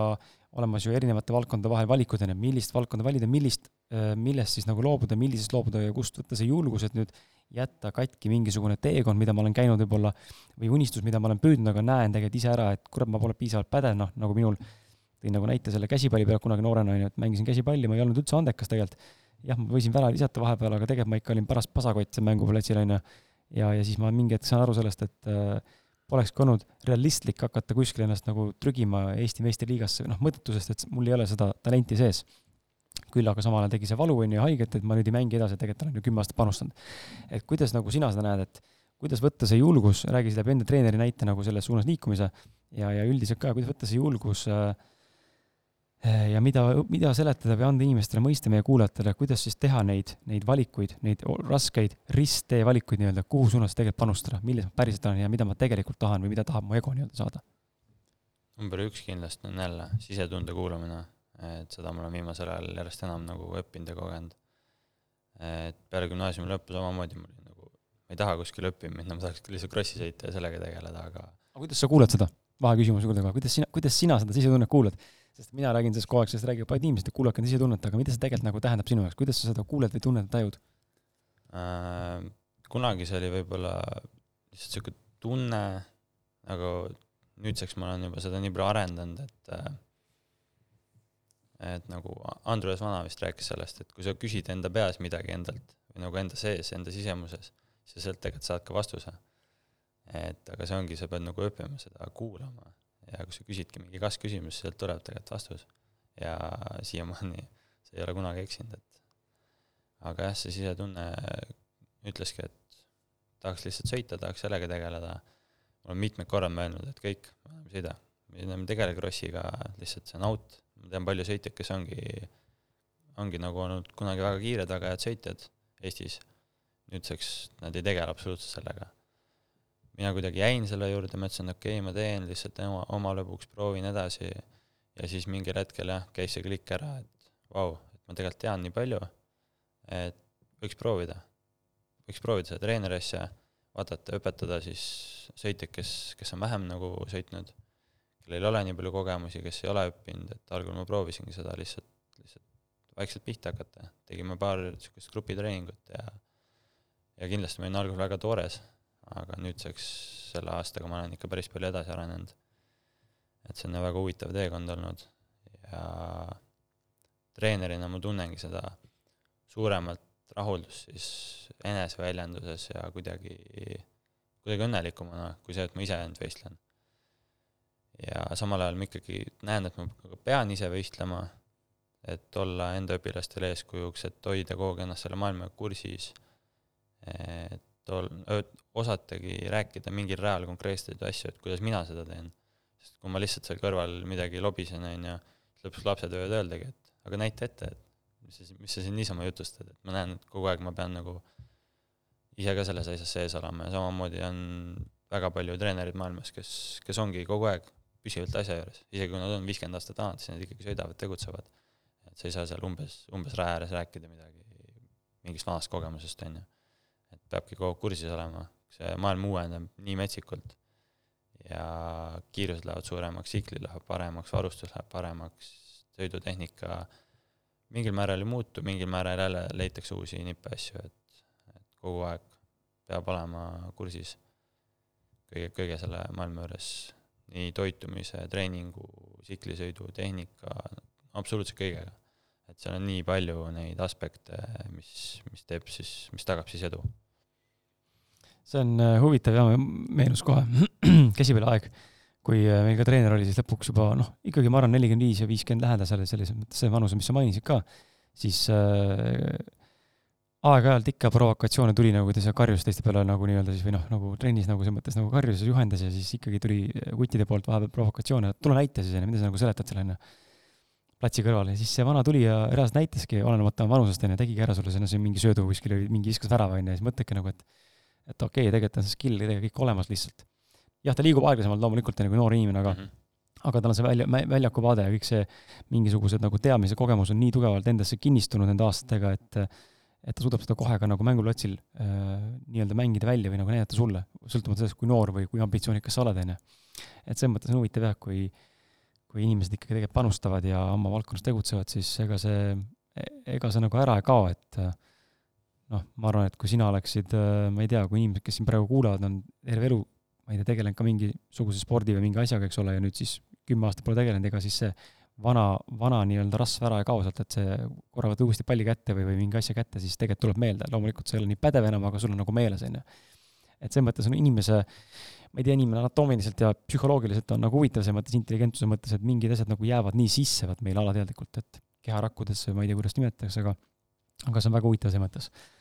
Äh, sa oled väit-, sa oled väitnud, et motokross on äh, Ehm, maailma üks karmimaid alasid. Ehm, kust selline väide ja miks sa midagi sellist arvad? siis kõigepealt räägingi nagu võistluste, võistlused ongi nagu põhiteema krossis, on ju, minu jaoks. ja kuidas võistlus algab, ongi see, et sul on kolmkümmend kuni nelikümmend meest on korraga puu taga. tsiklid, pöörded on kõrged, kõik ootavad, saaks ära, kõik lastakse korraga puutangast lahti, kes esimene finišisse jõuab, ongi kõige kõvem vend, on ju aga nüüd see stardist finišini, see teekond, see on ikka, see on ikka raju. et see stardijoonel ongi põhimõtteliselt pulss juba sada kaheksakümmend, lihtsalt puhtalt adrenaliinist. ja terve sõidu minul samamoodi ja kõigil teistel ongi see pulss on terve aeg maxed out, eks füüsiliselt nii pikk, kui see sõit on, see terve aja on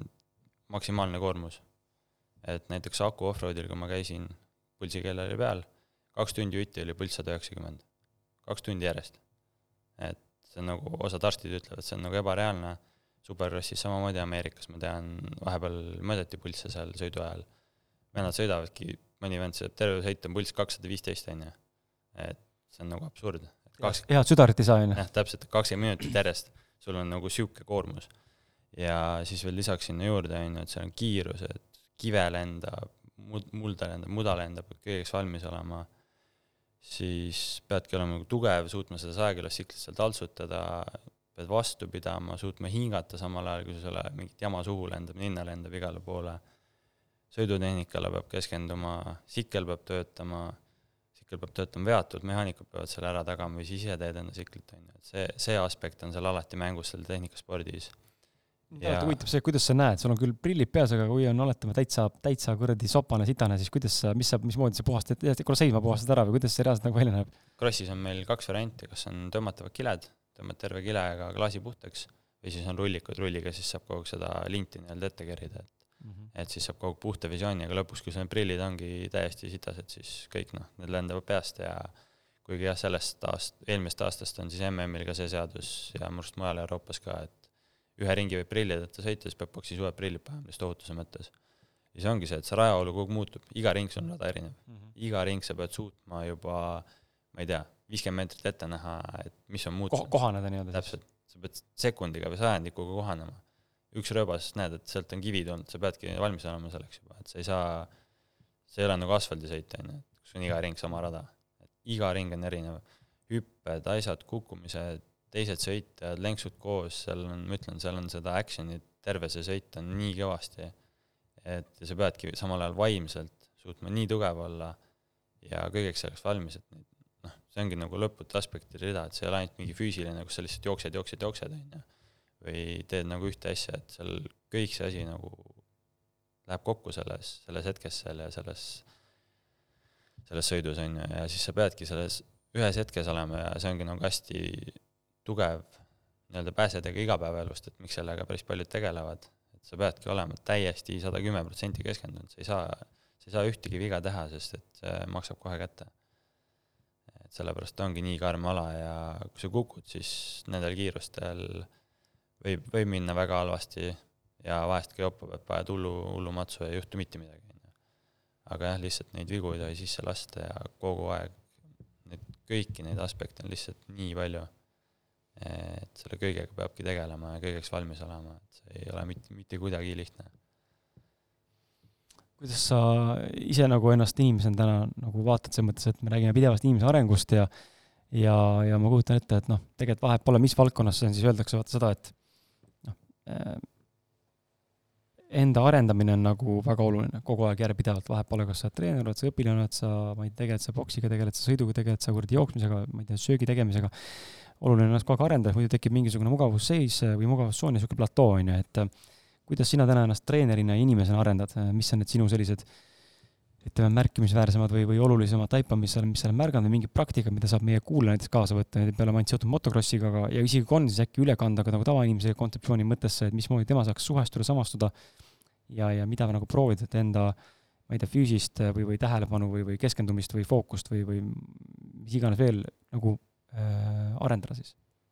kindlasti on, üks asi on uudishimu, teine asi on tahtejõud. Et sa pead tahtma neid asju nagu uurida, õppida, teine asi, peabki olema nagu huvitav, et et kuidas need asjad siis käivad, kuidas saaks paremini, kuidas areneda, on ju, et kõik, kõik need asjad nagu mängivad rolli, mina isiklikult kuulangi päris palju podcast'e, loen raamatuid, artikleid, vaatan Youtube'is, kuidas teised treenerid treenivad. Ja kindlasti läbi enda praktika olen päris palju asju õppinud ja olen ka teisi treenereid siis nagu päriselus vaadanud kõrvalt ja see on nagu ka jälle annab uusi mõtteid, uusi ideid, uusi, uusi asju, mida trennis kasutada. et kindlasti ongi igalt poolt seda infot otsida ja kui see asi sind ei huvita, siis järelikult sa ei peaks sellega võib-olla tegelema. et kui sind huvitab, siis sa saadki sellel teel kindlasti edasi minna ja tänapäeval internet on suur ja lai ja ainult pane Google'isse ja kõik need asjad tulevad, on ju. et ongi kas sa tahad õppida või sa ei taha õppida ja kui seal ei ole infot, siis kindlasti on inimesi, kes saavad seda infot sulle õpetada. et see on jälle, ma ütlen, uudishimu ja tahtejõud kindlasti kaks asja. sa mainisid raamatut, kas sa tahad äkki eh, jagada praegu niimoodi prompt, kui sulle tuleb midagi, eh, kui autornimed ei tule, siis ütle vähemalt raamatu nimed, mis on need kolm, kui tuleb kolm, kolm raamatut, mis on sind kõige rohkem mõjutanud või mis sulle praegu pähe kargavad, et vot neid peaks lugema inimene ja miks? Krossi maailma, kui tahate kurssi viia ennast natuke, siis kindlasti Tanel Leoki raamat oli vist Leok, Tanel Leok on niisugune nimi sellel raamatul. siis enesearengu koha pealt Power of Now on kindlasti üks, üks väga, väga hea raamat, mida ma soovitan. Eckart Tolle oma? Eckart Tolle, jah. mis ta eesti keeles on, kohaloleku jõud vist või? jah, mingi sihuke cheesy tõlke, tõlge sellel on. ja mis, mis mind nagu isiklikult üldse enesearengu teele viis, oli Miljonäri kiirtee. Et see raamat nagu pani mõtlema, et okei okay,, kui sa käidki kaheksast viieni tööl ja ja lihtsalt tiksud seal, et noh, kus sa jõuad siis. sellel, sealt nagu ma hakkasin mõtlema, ümber mõtestama üldse elu, et äh, kuidas, kuidas saaks teistmoodi, kuidas saaks paremini, kuidas üldse nagu edasi areneda ja mõelda ja sealt nagu läks see nii-öelda klikk käis ära jälle, hakkasid asjad muutuma ja minu jaoks. jah, raamatute lugemine on äh, oluline, ma ise olen viimasel ajal märganud kuidagi, et äh, ei suuda ühtegi raamatut lugeda, ma ei tea, kas siis ei ole, ei ole õige aeg või kuidagi äh, ei suuda enda aegu või tegemisi nagu planeerida, aga huvi nagu on, aga millegipärast ei suuda kätte võtta, kuidagi alustada on raske, ma ei tea, ma arvan, et iga asjaga on niimoodi, et kui mõnda aega ei ole teinud väga pikalt, siis alustada on väga raske, see on nagu, nagu trenniga võib-olla mõnele, see on nagu toidu, toitumisega on ju, tervisliku toitumisega või, või siis ma ei tea, suhtesse panustamisega, kui sa oled oma suhtes olnud äh, väga passiivne mõned kuud või mis iganes X periood on ju, siis nagu kätte võtta on nagu väga raske seda,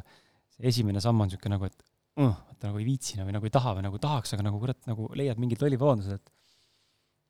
kuidas sul nagu on olnud äh, näiteks raamatu lugemise või, või noh, podcast'i kuulamine on küll hilisem asi, ütleme, sa alles tuli Eestisse mingi aeg, on ju, aga ütleme noorena ka, kas sa olid pigem, olid niisugune lugeja tüüp või pigem selline, et raamatud, mis kuradi asi see veel on? kooli ajal jah, ma kindlasti vihkasin seda, et sa pead seda lugema, mis mõttes pead? Ei taha, ei loe seda, ongi kõik. no loeti muidugi täis, täis, täis jama loeti ka, noh, nii on vale öelda, täis jama selles mõttes, aga no loeti asju, mis tegelikult võib-olla inimest ennast ei huvita oli niisugune nagu mass, masslugemine, on ju. täpselt, et ongi lihtsalt, sa pead seda lugema, siis ma olingi, et ei, ma ei taha seda lugeda. aga mingi hetk ma ikkagi avastasin enda jaoks need raamatud ja küll leidsingi nagu, et oo, põnev raamat. Laks, loengi mingi nädal aega lihtsalt läbi selle, sest see huvitab, see on põnev, see kõnetab. see nagu jah, et see ongi, sõltub jälle raamatust. Raamatuga võib-olla ei tahagi lugeda ja vahepeal ma tunnen ka seda, et raamatud on loetud ja mingi hetk peab võtma nagu, et seda analüüsida, rakendada enda ellu, et ei ole mõtet nagu lihtsalt peale lugeda tuimalt mingi sada mm -hmm. raamatut aastas, et sa nagu loed neid, aga sa ei rakenda võib-olla seda. ja ma olen ise ka nagu üritanud seada ikkagi iga aasta alguses endale mingid eesmärgid, kindlasti panengi kirja mingi hulga raamatuid, mida ma tahaks läbi lugeda. neli tükki kuus, iga nädal üks, on ju. jah, jah, et päris nii hulluks ei ole läinud, see eelmise aastaga ma lugesin ära kaksteist raamatut, et noh, põhimõtteliselt kuue raamat mm. -hmm. ja ma tundsingi, et see võib-olla ongi niisugune maksimaalne, et siis jõuab neid asju rakendada, läbi töötada need raamatud mingil määral enda jaoks. ja kõikide muude asjade kõrvalt siis vahepeal lihtsalt, lihtsalt ei jõuagi võib-olla lugeda, et aga noh, eks see on jälle see aja võtmine, et see on ka niisugune loll vabandus, et mul pole aega. kõigil on kakskümmend neli tundi päevas. kuigi vahel tundub, et mõnel on rohkem, et äh, mõnda inimest siin jälgid, siis on selline tunne, et ma ei tea, see vend küll häkib kuskilt midagi või kuskilt äh, varastab juurde kellegi arvelt, et et tal on kindlasti rohkem aega kakskümmend neli tundi, on ju. no ju siis ilmselt, ilmselt äh, ma ei teagi, magatakse vähem või ma ei tea, mille arvelt neid asju tehakse, on ju, et võib-olla pole perekonda ka, ma olen siin sattunud mõne inimesega vestlema ka ja enda elukaaslase koha peal rääkinud ja ma arvan, et ka sul, Henri, on neid mõtteid pähe tulnud ja, ja hea kuulaja, mis meid kuulab, ma arvan, tema ka samastub siinkohal minu väikese mõttega, et vahel, kui sa vaatad mõnda inimest, siis mõtled, et äh, ma ei tea, kuidas ta jõuab või, või näed, et võttis ette selle aasta tagasi, nüüd juba aasta otsa tege-, tegelen sellega järjepidevalt, et ikka on kuradi ikka tubli vend, ma olen ikka sitakott, on ju. noh, aga hea on alati vaadata seda ka, milline see inimese elu on. kui tal ikka perekonda ei ole, naist näiteks ei ole, meest ei ole või lapsi pole, on ju, noh, lapsed on väga suur roll elus, mis väga palju muudab, on ju, ma ise näen täna seda rohkem, olles isa, on ju, et ähm, äh, on nagu asju, mis nagu tegelikult muudavad seda sinu, sinu nagu panust ja sinu aega ja sinu võimalikkust nii-öelda panustada mingisse tegevusse, loomulikult kõike on võimalik planeerida, aga selge see, mingid faktorid mõjutavad, on ju, et kui on inimene, kes üksinda on isoleeritud, mitte kuskil ei käida, on ju niisugune eraklik indiviid ja selline introvert, see on ka võib-olla, ajab ka oma asja, ühte-kahte asja, teeb trenni ja ma ei tea, õpib seal midagi muud kõrvale, on ju, loeb ja käib tööl ja siis ongi kõik see enda elu, on ju. aga siis on mingid teised vennad, kellel on võib-olla siin pere ja naine ja lapsed ja siis on töö ja hobid ja trenn ja muud asjad otsa, et siis on ilmselge, et ühel vennal lihtsalt on seda aega nagu rohkem lihtsalt toppida kuskil, sest et ta on ainult üksi, on ju, ta ei pea kellestki teisest sõltuma. ma arvan, see teistest inimestest sõltumine mingil määral ka perekondlikult on natukene selline, nagu tahaks öelda, taunitav, et kuidagi võiks leida nagu sellise viisi, et noh, vale on öelda, et ei peaks lastega tegelema, on ju, et äh, mingi vanuseni peab kindlasti tegelema ja mingis vanuses saab natuke rohkem või vähem nagu tegeleda, saab anda nagu hingamisruumi, aga natuke nagu tahaks seda, et see ühiskond võiks olla selline, et laps teab ka juba täpselt, mida teha ja te saate koos kulgeda, ilma et sa ohverdaksid hullult palju enda elu või aastaid tema all, on ju, aga paraku see täna nii on ja see on osa protsessist, see on fun, aga vahepeal tekib tükk tunne, et no perse küll nagu, et nii palju aega lihtsalt läheb tegelikult sinna alla, et eks tahaks midagi muud teha. ma ise kodus näen, kuidas noh, ma ei tea, kui palju sul laps, kokkupuudet lastega on, Henri, aga trennis kindlasti lapsed nõuavad ka tähelepanu, aga, aga kodus lihtsalt on nii hästi näha mul see, kuidas kuidas äh, vahepeal ei saa naisega ühtegi sõna isegi rääkida, sest laps nõuab tähelepanu, onju, et hakkad juttu rääkima, ta jääb tähelepanuta ja siis ta näeb, ta tajub kohe ära selle, et fookus on nagu temalt ära võetud ja nüüd on error, ta hakkab karjuma, nutma või hakkab tegema mingit totrusi, onju. Mhm. et uh, whatever it takes, et saada sinu tähelepanu endale, onju, sind uuesti mängima. siis tunned küll, et no meil ei ole mõtet vist enne üldse rääkida, kui laps maha, magama läheb, onju, et nagu me ei saa lihtsalt, meil ei lasta. et need on sellised naljakad kohad ja samal ajal ajavad närvi, aga samas näitavadki seda, et et uh, teise inimese siia toomine või kellelegi eeskujuks olemine trennis, siis see vajab tegelikult fookust täpselt, ja ongi praegu ma näen ka seda, et kui ma teen, siis ma jõuan ka rohkem teha. Et enne, kui ma olingi ainult kuskil põhitööl energeetika valdkonnas, siis ma nagu õhtul läksin koju närviline, ma tahtsin nagu midagi teha, et kuidagi nagu niisugune motoorne rahutus oli. et nüüd ma olengi nagu, tunnen, et ma teen nii palju, aga ma jõuangi teha, sest et ma kogu aeg tegutsen ja teen ja olengi liikvel ja, ja mul ei olegi kunagi igav, et kogu aeg on midagi toimetada ja sellest aastast võtsin ka lihtsalt suure kalendri ette, märkmikku nagu igaks päevaks ongi ülesanded laks, laks, laks, laks, et mis ma kuskil saan ära teha ja ja üritangi nagu seda efektiivselt planeerida. ja kindlasti ongi see, et prioriteedid paika seada ja kus sa enda aega pühendad ja tulebki nagu leida need kompromissid võib-olla vahepeal, et ja noh, nagu sa ütlesidki, siis lapse või perekonnaga on väga palju raskem midagi teha. et siin hiljuti ka tegelikult, sest ma olen siis jälle vallaline et ja tunnengi, et see on hetkel on nagu positiivne, et ma suudaks ja jõuaks enda asjad lihtsalt ära teha. see oli, see oli vihje siis meie naiskuulajatele, kuna seitsekümmend protsenti ausalt meeste kuulajatest on naised, siis et Henri on vallaline, nii et kui jutt mõikab ja pilt klapib, siis äh, on teada, et Henri ootab. Jah, et jah, kas ma just ootan, praegu ma võib-olla keskendun rohkem iseendale, eks ma mingil määral olen ka jälle sihuke avatud inimene, et eks näis, mis saab, mis tulevik toob. Aga jah, selle aja planeerimise koha pealt veel ja see asi, et kaitsevägi nagu oli karm, raske ja halb nagu terve aeg olin põhimõtteliselt depressioonis, sõin lihtsalt kilode kaupa magusat, et üldse stressiga toime tulla. ja aga üks asi, mis see kindlasti andis, oli see, et meil ei lastud seal magada. kui sa said öösel neli tundi täis, sa olid väga õnnelik, sa said neli tundi magada, vapsi, et ja siis ma tundsingi seda, et aa, neli tundi, väga hea, sellega saab hakkama ja pärast ka ülikooli ajal ja elus olen ka nagu kasutanud seda, et magangi võib-olla ainult kolm või neli tundi. ärkan üles, läheb täiega jälle päev edasi ja siis mingi hetk kogun seda nii-öelda unevõlga ja siis mingi, võtangi mõne päeva näiteks, magangi normaalselt välja ennast. aga et, et vahepeal lihtsalt tuleb neid ohvreid teha ja kõik see aeg siis ära kasutada, kui on selleks nagu see koht. et, et tulebki leida neid noh, kohti ja seada neid prioriteete, et mida ette võtta. Ma olen täitsa nõus, hea, et sa mainisid seda teemat, sest et äh, unest oleme siin varem rääkinud ka ja mul peale sind äh, täna on tulemas ka Jaan Aru, kes on neuroteadlane, kellega räägime ka unest. Ehm, aga see on äh, huvitav teema, sest ma ise näen ka, ma olen pigem inimesena see, kes on väga väikse unevajadusega ja kui mul läheb sinna ütleme, kaheksa tunni juurde või pluss kaheksa tundi uni, siis on nagu, siis ma olen zombi, onju. samas mõni ütleb, et kaheksast ei piisa ka, vaata, et vaja kümmet ja kahteteist, onju, Martin, keda oleme siin maininud, tema on see mees, kes siin mhm. varasemalt on maininud siin saadetes ka, et tal on vaja ikkagi kümme tundi vähemalt, siis ta nagu on, on funktsionaalne, onju. et see on inimesed erinev,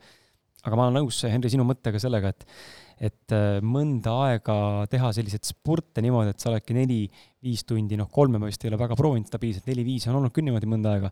et magadki neli-viis tundi öösel ja siis sa oledki võimeline paugutama niimoodi, ütleme, võib-olla isegi nädal või vähem võib-olla, ja siis on vaja see üks päev, kus sa magadki pikemalt ja võtadki niimoodi, et lähed vara magama ja magadki mm -hmm. täie rauaga, onju. ja, ja tsükkel jälle täis, onju, et see on hästi inimesed erinev, aga ma näen ka, et tegelikult on võima-, võimalik, ma ei, ei soovita otseselt seda selles mõttes, et äh, uni on hästi oluline, aga, aga kui sa tunned, et sa oled võimeline une arvelt äh, midagi muud korda saatma lühiajaliselt, mis toob sulle pikaajalisi tulemusi näiteks, siis äh, igal juhul see on ma arvan, parem ohverdus, kui ohverdada mingisuguse su-, suhte või lapse nagu panuse nagu najalt või mingi muu tegevuse najalt, et et mõelda nagu, kust see nagu tuleb, siis see on, ikkagi sõltub sinust endast ja sa ei keera midagi muud perse peale enda tervise, noh, mis on ka oluline, aga selles mõttes tuleb nagu aru saada, millal on piir, on ju, selleks mm. tulebki enda keha kuulata ähm,. treenerina ka nagu järjest rohkem olen hakanud väärtustama just seda und ja ja ongi uni on jällegi taastumise koht, et ei saa nagu väga hullult ka lasta. pikas perspektiivis ei ole kindlasti see tervislik, aga jah, kohati vahest peab tegema ja vahest ongi niisugused kohad ja olukorrad, et tulebki nagu push ida natuke rohkem mm. -hmm. millistele väärtustele sa täna oma elus tugined ja mida hindad enda ning teiste inimeste juures kõige rohkem? kindlasti kaks asja kohe on ausus ja lojaalsus. et ausus, nagu siin Ausad mehed podcastis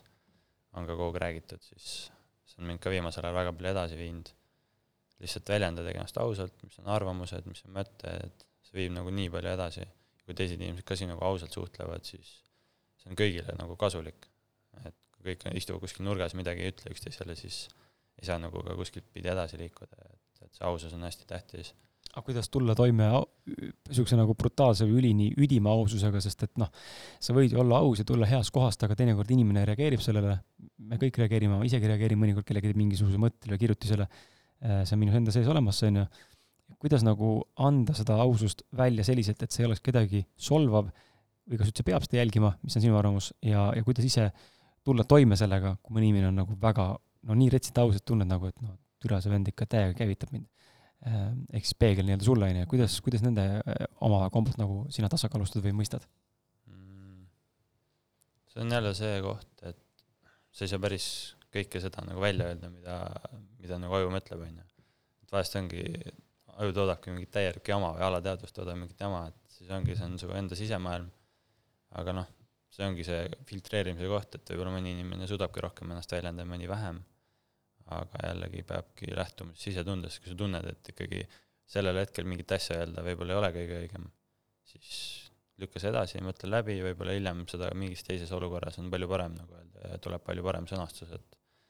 et, et aga kui sa tõesti tahad midagi öelda, siis lõppkokkuvõttes peaks ju selle ikkagi välja ütlema, kas või suhtes või peresuhtes või sõprussuhtes, on ju.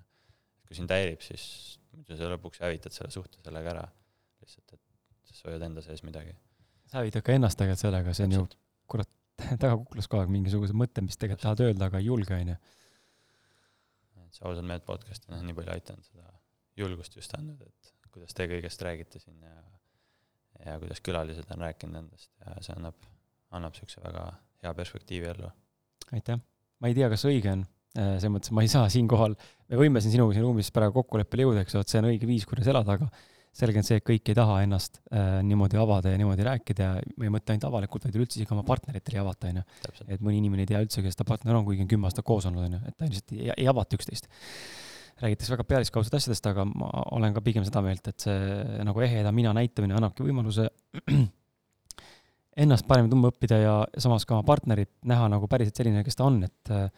kui sa ikka kümme aastat hoiad midagi varjus ja, ja ei räägi, siis lõppkokkuvõttes küsimus, no kellega ma koos olen või noh, kes ma üldse olen, on ju. täpselt. et eks ta on äh, natuke sihuke kahe otsaga asi, aga pigem ma jah, propageerin ikkagi jäädavalt, et võimalikult aus ja, ja avatud olla.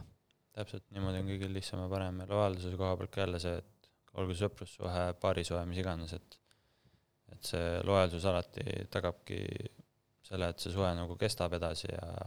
üksteist usaldatakse ja saabki üksteisega aus olla. et, et kui sa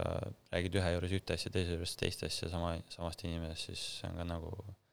jama või siis ongi see, et lihtsalt ei räägi ja teed mingeid asju selja taga mm -hmm. kuskil, et ongi ausalt ära rääkida, kui sa tahad mingit muud sammu teha, siis lihtsalt rääkida ja arutada seda, et võib-olla see on jumala okei okay,, võib-olla see ei ole okei okay., Äh, hüppame siia enesearengu valdkonda, me natuke oleme tegelikult noh, enesearengut terve siin äh, saade nagu juba tunni äh, vältel puudutanud, aga puudutame just seda konteksti, et mingil hetkel sa ütlesid mulle, et sul jõudsid, sinu siis vaatevälja jõudsid vandenõuteooriad ja eneseareng. Ähm, ähm, mind ennast huvitab esimese küsimusena, mida sa mõtest-, kuidas sa mõtestaksid enesearengut, mis see nagu tähendab sinu jaoks, sest et väga paljud seostavad seda kohe spirituaalse teekonnaga, mis on minu meelest osa enesearengust, aga mida sinu jaoks tähendab eneseareng? Eneseareng ongi see, et tegeled endaga ja liigudki siis igas eluvaldkonnas, üritad seda mingit tasakaalu leida ja üritadki edasi jõuda siis oma eluga, oma mõtetega ja millega iganes, mis sul just elus parasjagu käsil on, et kui sa nagu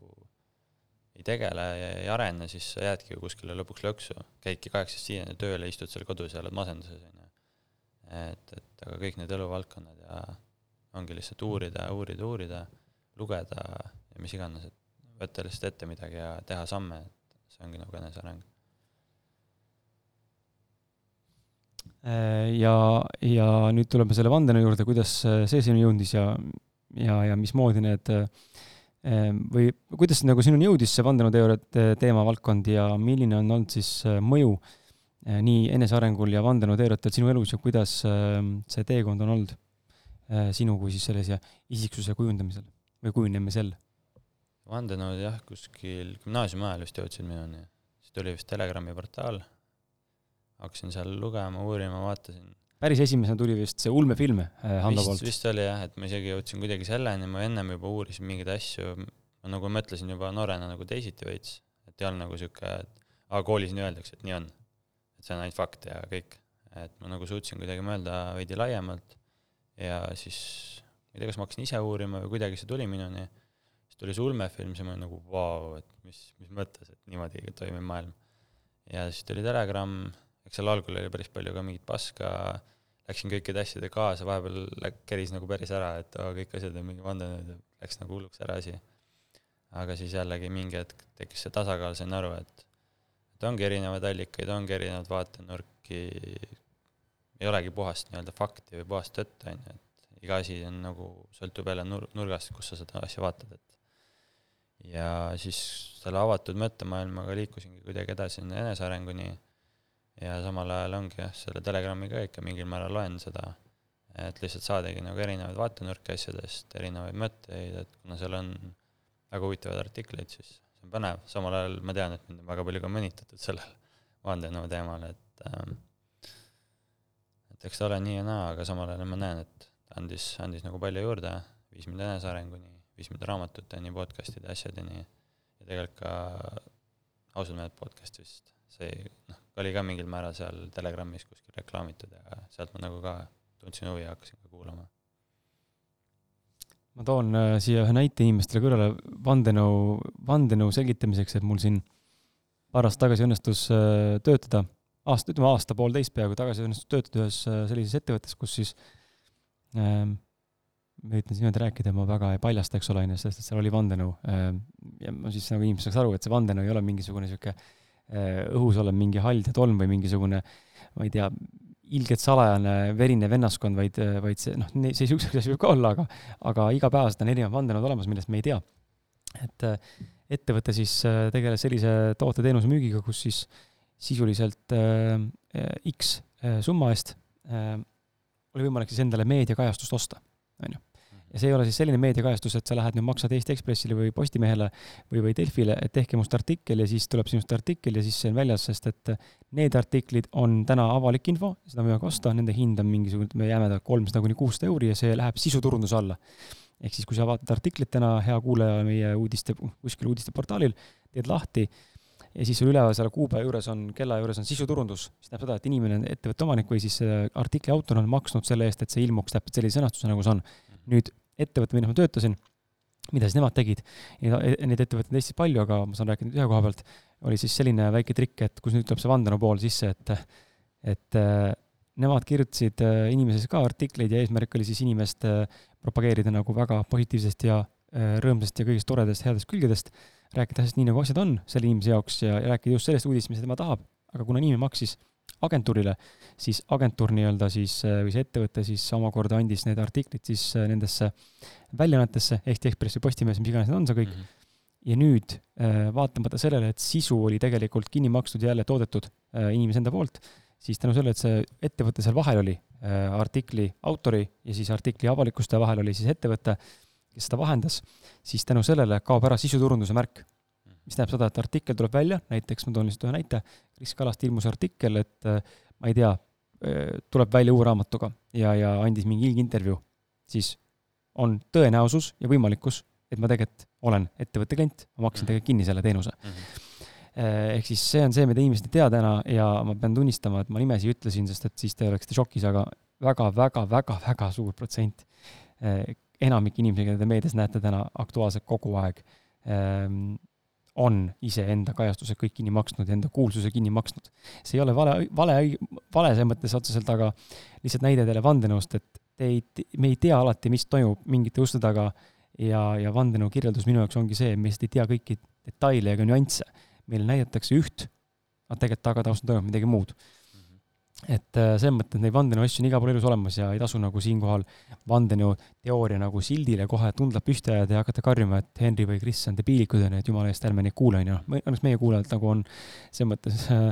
äh, ka teadlikud ja, ja neid asju uurinud, aga, aga lihtsalt ma ise tean ka nooremana, kui seda valdkonda hakkasin uurima, siis väga palju tuli seda hukkamõistu. noh, tänagi on mm, -hmm. aga vähem. ühiskond on hakanud nagu rohkem aru saama, et võib-olla tõesti on midagi, mida meile ei räägita, onju. Mhm. aga selles mõttes on see huvitav valdkond, mis äh, mis võib nii uksi avada kui uksi sulgeda teinekord, just nagu inimsuhetes. kui palju sa oled näinud, kuidas see sind mõjutanud on näiteks, äh, ma ei tea, paarisuhetes või sõprussuhetes või vanematega või, või kolleegidega või kellega iganes? mingil määral ikka on, olen mõnest asjast juba rääkinud, ongi faktiliselt on välja toonud, et need, need asjad on ju, on seal taga, öeldakse, et ah, sa oled täitsa loll, sa oled hulluks läinud. mine mm, -hmm. ole omaette kuskil põhimõtteliselt. et aga noh, see on jälle see, et see on see avatus ja kindlasti saa kunagi midagi kellelegi peale suruda. et kui sa hakkad midagi suruma, siis seda infot niikuinii ei võeta vastu, et inimene peab ikkagi ise leidma enda tõe ja jälle ongi tegelema iseendaga lihtsalt ja kui ta leiab ja tahab selle asja kohta teada, kui on reaalselt küsimus, siis sa saad ka vastata. kui keegi ei küsi, siis ei ole mõtet ka rääkida ja suruda mitte midagi, et et sa võid rääkida, teised võivad arvamust avaldada ja see, see võibki sinna paika jääda, et see ei pea kuskile edasi minema, kõik, kõik ei pea mõtlema ühtemoodi aga kuidas on kogemuse jagamisega näiteks äh, noh, ükskõik kellele või, või trennis lastele, et kas sellel kehtib ka sinu meelest äh, või võiks kehtida sama reegel, et äh, kui ei küsita, siis ei pea õpetama või, või pigem ikkagi peaks jagama tungivalt kogemust, kui sa näed, et tegelikult tehakse valesti? treenerina niisuguse ohtliku spordiala puhul kindlasti, kindlasti on jah see koht, et sa pead nagu mingil määral suruma seda, kui te tahate sellega tegeleda, noh, siis ikkagi seal on tahtejõud huvi taga järelikult aga jällegi nagu eestlased ikka, siis keegi ei taha kunagi küsida. et siis ma olengi nagu üritanud lihtsalt suruda, et küsige, küsige, küsige, et kui on mingeid küsimusi, alati võib küsida. ja kui ei küsi, lihtsalt räägin, surun, siis jällegi ongi, ma ütlen, mõnel toimib, järelikult teda huvitab, ta tahab nagu selle, seda asja edasi aretada. ja kellel ei toimi, siis ta võib-olla tahabki lihtsalt seal sõita ja kruiisida. ja jällegi, elu on huvitav, minu trennis ka need, kes mulle kes on nagu head õpilased, kes kuulavad mind, need on ka minu trenni jäänud. ja need, kes mind ei kuula, kes seal võib-olla ei taha olla, siis nad ongi ära läinud. mingil määral on nagu kurb, on ju, et nad ära läksid, et oleks nendest saanud ka väga head sõitjad. mingil määral jälle on nagu okei okay,, et võib-olla nad kunagi saavad suuremaks, saavad aru, on ju, oskavad hinnata seda, et sul on treener. et see ongi täpselt nii ja naa ja nad, kui nad tunnevad, et nad ei peaks seal olema, siis täpselt, siis tegutsege omaette ja minul ei ole selle vastu midagi või keegi teiste treenerite juures, et proovige erinevaid asju, mis just sobib. Äh, lähme enesearengu äh, maastikult äh, suunaga selle suhete juurde, sest et see on ka midagi, mida me siin saadetes pidevalt puudutame ja see on midagi, mida ka iga, igaüks tegelikult oma elus kokku puutub, vahet pole, kas siis suhted sõpradega, suhted paarisuhted või vanematega või kellega iganes. suhted on osa meie elust ja, ja tahame seda mitte, siis mingil määral nad on ja mingil määral nad ei ole ka, aga see on meie enda, enda otsustada, kes kui palju, mis mahus tahab kuhu panustada. sa ütlesid äh, mulle saateväliselt või siis enne salvestust nii-öelda siis, kui ma küsimuse kokku panin, et äh, lahkuminek on alati positiivsed, positiivne sündmus. Äh, see on niisugune huvitav väide, loomulikult see taga on nagu teine pool ka, aga see on huvitav väide, sest et sa oleks võinud alustada sellega, et lahkuminek on alati negatiivne sündmus, on ju, aga sa ütlesid, see on positiivne sündmus. et ähm, see ei ole kindlasti kõige traditsioonilisem viis, kuidas suhete purunemist näha ja, ja räägi siin meie kuulajatele, millised on sinu kogemused siis äh, Äh, üldse suhete vallas ja, ja kust tuleb, äh, kust tuleb selline äh, taipamine või uskumus, et see võib olla positiivne sündmus ja mida on suhted õpetanud sulle sinu iseenda ja teiste kohta? minu enda kogemus on see, et mul on olnud kaks pikemat suhet elu jooksul ja teised siis nii-öelda siuksed teemad või noh, mis ikka siuksed käimised ja siuksed asjad, et aga jah, nende mõlema suhte lõpu puhul esimese suhte lõpu puhul ma olin küll ikka päris sihuke depressioonis ja päris raske oli. Läks nagu mõned kuud läksid mööda, siis ma sain aru, et vau, et tegelikult see oli väga positiivne, et sihuke nagu mingil määral raske ja polnud nagu väga hea suhe, et see nagu ära lõppes. ja ma sain nagu edasi minna ja saingi nagu hoopis, hoopis paremasse suhtesse. ja nüüd selle suhte lõpuga, mis mul nüüd oli, siin mõned, mõned kuud tagasi, või noh, tegelikult pikemalt, et seda ongi raske öelda, kus see lõpp oli tegelikult, kui inimesed mõlemad tundsid juba ammu, et see asi pole õige, aga lihtsalt oligi niisugune mugavusest koos elamine, on ju. ja siis üks hetk oligi, et aitab, lõpetame ära selle ja tundsin ka nagu jälle niisugust kergendust, on ju, et et see, see ei viinud kuhugi, me üritasime, proovisime ja kui nagu nii noored kokku minna, et mõlemad on, ongi nagu, suve kestis ju nelja aasta, mina olin mingi kakskümmend üks, kui me suhtesse läksime. Ma ei olnudki nagu veel täiskasvanud inimene, ma ei olnudki veel see, kes ma tänaseks olen, on ju, ma ei olnud end leidnud ja kui inimesed nüüd lõpuks leiavad iseennast, siis nende mõttemaailm muutub, kõik nagu muutub ja selle muutusega kaasa minnes siis võib-olla see partner ei olegi õige ja kui te mõlemad ausalt tunnistate seda endale, siis tegelikult see on ju kergendus. et ei pea tiksuma ju koos ja lõpuks mingi majad ostma, lapsed tegema ja siis avastad, et okei okay,, see oli päris vale. et no nüüd lahutame ja siis hakkame selle jamaga tegelema. Et pigem ongi nagu jälle see ausus iseenda vastu, ausus teiste vastu ja kindlasti see kronoloogiline aspekt ka jälle elus, et üks suhe valmistab sind kindlasti millekski teiseks, teiseks ette, järgmiseks, on ju. ja noh, kuigi mina olen nagu ka selle põhimõttega, et võiks olla ainult üks suhe, üks õige, terve elu ongi nagu hästi, aga järelikult siis ma ei ole veel valmis selleks, ma peangi mingid kogemused siin teel läbi käima, et ollagi valmis selleks, kui see, kui see keegi õige nii-öelda tuleb, on ju. ja ja kindlasti ongi suhete puhul on hästi huvitav see, et sa saadki kohe nagu jalaga näkku, et võib-olla algul see paar kuud ongi niisugune hästi ilus, rõõmus, roosa kõik, aga siis hakkavad tulema välja, on ju, teise partneri vead, enda vead ja peabki nagu hakkama tegelema sellega ja need asjad tulevad paratamatult välja. ja miks need tulevadki välja, mina näen, ongi see, et sa saaksid jälle paremaks, saaksid areneda, saaksid muutuda. Ja lõpuks ongi see, kui see faas on käes, et asjad ei toimi, asjad ei klapi, inimesed pole õiged, suhted on halvad, kõik on närvilised, siis järelikult oleks ju ainult, ainuke õige mõte, positiivne mõte on ju see asi ära lõpetada. ja kui sa oledki täiskasvanulik, aus, suudad selle asja nagu normaalselt ära klaarida, siis ongi kõik okei okay. ja võibki minna teiste sõpradena lahku ja kõik, kõik jääb veel hästi ja võite ikka suhelda ja võib-olla muud, muud suhted teil toimivad, lihtsalt paari suhtes ei toiminudki. et see on jälle see, et peab olema avatud ja peabki, peabki tegelema iseendaga ja alati ongi see iseenda aeg on kõige tähtsam ja siis partneri aeg, on ju. ja kui sa ise ei ole õnnelik, ise ei ole rahul endaga, siis mitte keegi ei saa sind nagu teha õnnelikuks või panna rahulolu tundma. et see ongi kõigepealt, sa pead ikkagi ise olema endaga rahul ja ise olema valmis kõigeks selleks suhteks, et et, et see on jah, see huvitav, huvitav teema suhete, et algul tundub see lahkuminek on nagu täielik katastroof, aga hiljem, kui järgi vaatad, saad tegelikult aru, et see oli selleks hea jälle. kui palju sa ise näed, et äh, näiteks mm, sinu spordiala või siis nagu spordiala valik äh, mõjutas nii-öelda seda pikemat eelmist suhet, et kas seal oli pigem noh, et kas äh, läks nagu fookus ära või, või või vastupidi, naine nagu toetas või kuidas see, see nagu sinna sobitus? pigem oli väga toetav ja motokrossi alal siis siiamaani teeme koostööd, et kuna tal on ka enda, enda, endal huvi selle vastu, siis jah, tööalaselt siis saame, saame hästi läbi, koostööd toimivad. aga, aga jah, pigem see oli väga positiivne, kes kogu aeg kaasas, aitas mind, toetas mind, oli nagu ka mul treenerist mingil määral, et et see on ka jälle see, et kui sul on mingi huvi ja su elukaaslasel ei ole absoluutselt selle vastu huvi,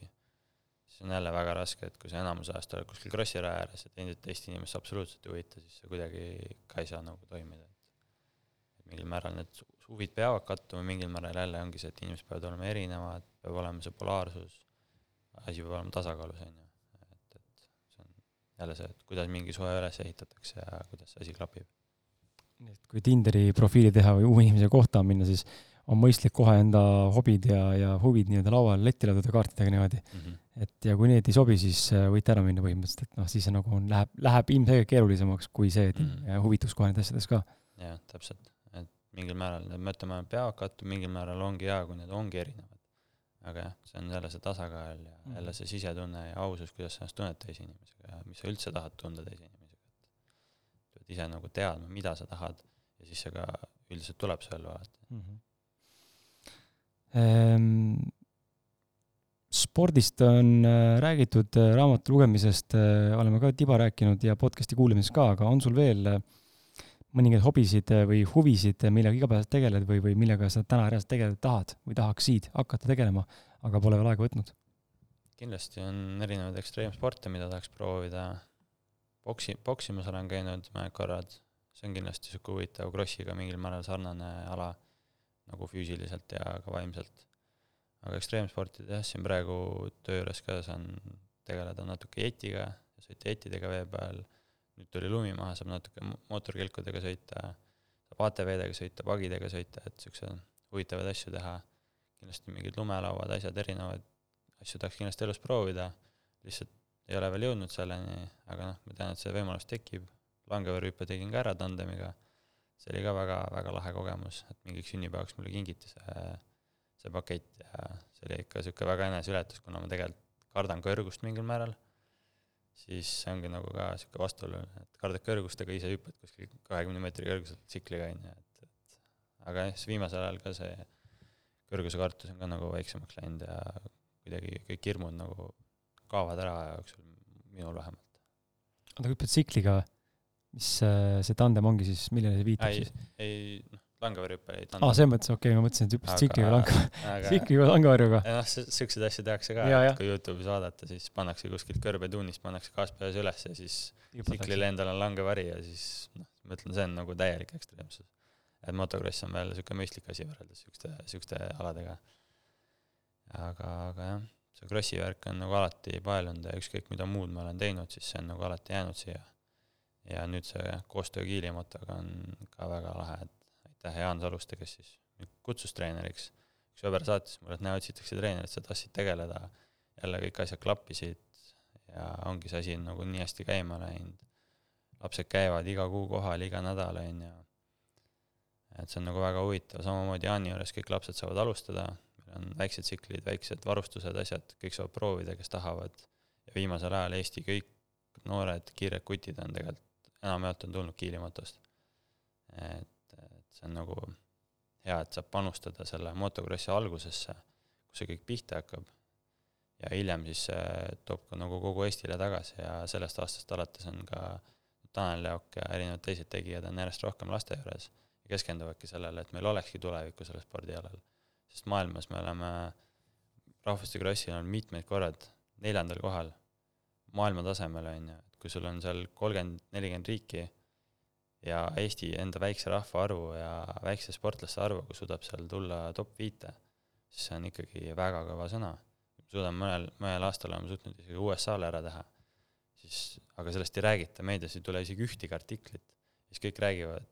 on ju rallist, ma ei tea, võrkpallist, mis iganes, mingi suusatamisest, kus meil ei olegi mingit tulemust, jalgpallist, kus meil ei olegi mingit tulemust, on ju. samal ajal meil on Eestis nii kõvad sõitjad ja järjest rohkem panustatakse sellesse, et me jõuaks kuskile ja nüüdsest ka siis uuel aastal, või noh, sellel aastal siis hakkamegi koostööd tegema ka Red Motoga ja üritamegi luua niisugust motokooli, mida on Eestis ka varem mingil määral tehtud, praegu vist ma ei tea, kas on ühtegi toimivat, et lihtsalt olekski see panus juba laste, lastele, täiskasvanutele, kõigile, et ja ka Kiilimotos on meil nüüd üks tsikkel, millega siis algajad saaksid alustada lihtsalt proovidagi seda sõita. et kuidas sellega üldse sõita on, kas see meeldib, kui ei meeldi, väga hea, jälle tead, et üks asi, mis sulle ei meeldi teha. kui sulle meeldib, alati saab edasi tegeleda. et kõige raskem ongi motokrossi juures see alustamine, see alginvesteering, et ostad tsikli, ostad varustuse, siis vaatad, et aa, ei sobigi. et siis tulebki leida need võimalused, et kuskil saab neid asju proovida ja katsetada. et Eestis neid võimalusi tänapäeval õnneks on ja ja noh, lastel ongi eriti huvitav seda näha, et mõni laps võtabki selle tsikli, ta ongi seal terve aja gaas peas ja tahabki kiiremini sõita ja talle meeldib see asi, teine laps kardab, on ju, et et see ongi nii individuaalne ja aga kuna me anname selle võimaluse, et kõik saavad proovida, siis meil tulebki see peale, kas me leiamegi need kutid üles, kellele meeldib või need tüdrukud, on ju, et ka mina ise see eelmisel hooajal treenisin kahte tüdrukut ja uuel hooajal ka siis on, on niisugune koostöö juba kokku lepitud, et et see on ka nagu minu arust väga, väga lahe, et ka naised sõidavad, naistel on ka MM-i klass eraldi, et ja Eestis ka ikkagi on kiireid naisi ja kui nad ka rohkem, rohkem treeneritega võib-olla koostööd teeks või edasi areneks, et siis oleks ka väga lahe näha seda. ja jah, krossiga ongi lihtsalt see, et peab need tunnid täis sõitma ja kogu aeg selle asja juures olema, tegelema ja kui see meeldib sulle, see ongi nagu niisugune motohaigus, et sellest ei saa lahti ja ainult annadki minna sellega. ja kui sulle ei meeldi, siis muidugi, nii palju muid asju maailmas, mida teha, lõputult võimalusi on. tee, tee, mis meeldib. Lihtsalt on äh, vaja pealehakkamist ja järjepidevust ja aega anda. täpselt, täpselt mm. -hmm. Henri, lõpusõnad sulle. tõmban selle saate kokku, sest mul on mõned küsimused, aga ma tunnen, ma neid ei hakka üldse küsimagi, sest et kuidagi on irrelevantne ja tunnen, et see ei, ei lähe kuidagi üldse siia praegu mm. -hmm. lõpusõnad, mis sa tahad inimestele soovitada, mida head öelda, mida, mida jagada, mis, kas on midagi, mis jäi puutumata saates täna, midagi, mida sa tunned südamel, see on sinu see võimalus nüüd siin siis reklaamida. ma loodan, et sai kõik öeldud, aga jah, põhiasi, et vaadake, mis, mis teeb Kiilimoto, mis üldse motokrossi maailmas toimub, mida teeb Tanel Leok, võite ka mind mind jälgima hakata Instagramis, et kindlasti paneme pärast need lingid, asjad sinna üles, on ju. et ja kui tahate proovima tulla, siis võtke julgelt ühendust, proovige, kuidas on tsikliga sõita Krossi rajal, on ju. ja see on nagu minu arust väga huvitav spordiala ja see on ka elus mind väga palju edasi aidanud, et sul ongi raske, aga sa suudadki sellest raskust läbi panna, sa tead, et sa oled midagi palju hullemat teinud, sa kogu aeg tegeled mingi siukse, siukse hullusega, on ju. et ülejäänud elu tundubki selle kõrval sihuke pigem lihtne. ja eks see ongi teise ekstreemsport ja üldse sport on see koht, et kui sa nagu surud nii suuri piire, kes teeb maratoni, kes teeb mis iganes asju, sa nagu nii hullult push'id ennast nii füüsiliselt kui vaimselt ja kui sa nagu siuksed asjad läbi teed, siis ülejäänud nagu elu tundub see, et see on ju tegelikult nii lihtne. et ongi, peabki nagu vahepeal natuke ületama ennast. et mina nagu soovitan, et ületage ennast proovige erinevaid asju, katsetage, tehke, käige igal pool. et elu on ju seiklus, et ei ole mõtet kuskil passida ja seda aega on meil kõigil piiratud aeg, vähemalt siin, siin maailmas on ju. Et lihtsalt tehke. aitäh sulle, Henri! aitäh, Kris! ja aitäh sulle, hea kuulaja ka, et sa vastu pidasid äh, selle poolteist tundi siin meiega ja kuulasid kaasa, ma loodan, et sul oli põnev. Äh, minu meelest oli väga huvitav kuulata motokrossist ja, ja sellest, kuidas inimene oma äh, oma valdkonnas täna tegutseb ja, ja kuidas ta on nagu läbi hammustanud selle, eh, kas treeneriamet tema jaoks või hoopis profisport tema jaoks või mis, mis muu ei ole, et ma loodan, et need saated ja sisu, mis siin saadetes räägitakse, sa suudad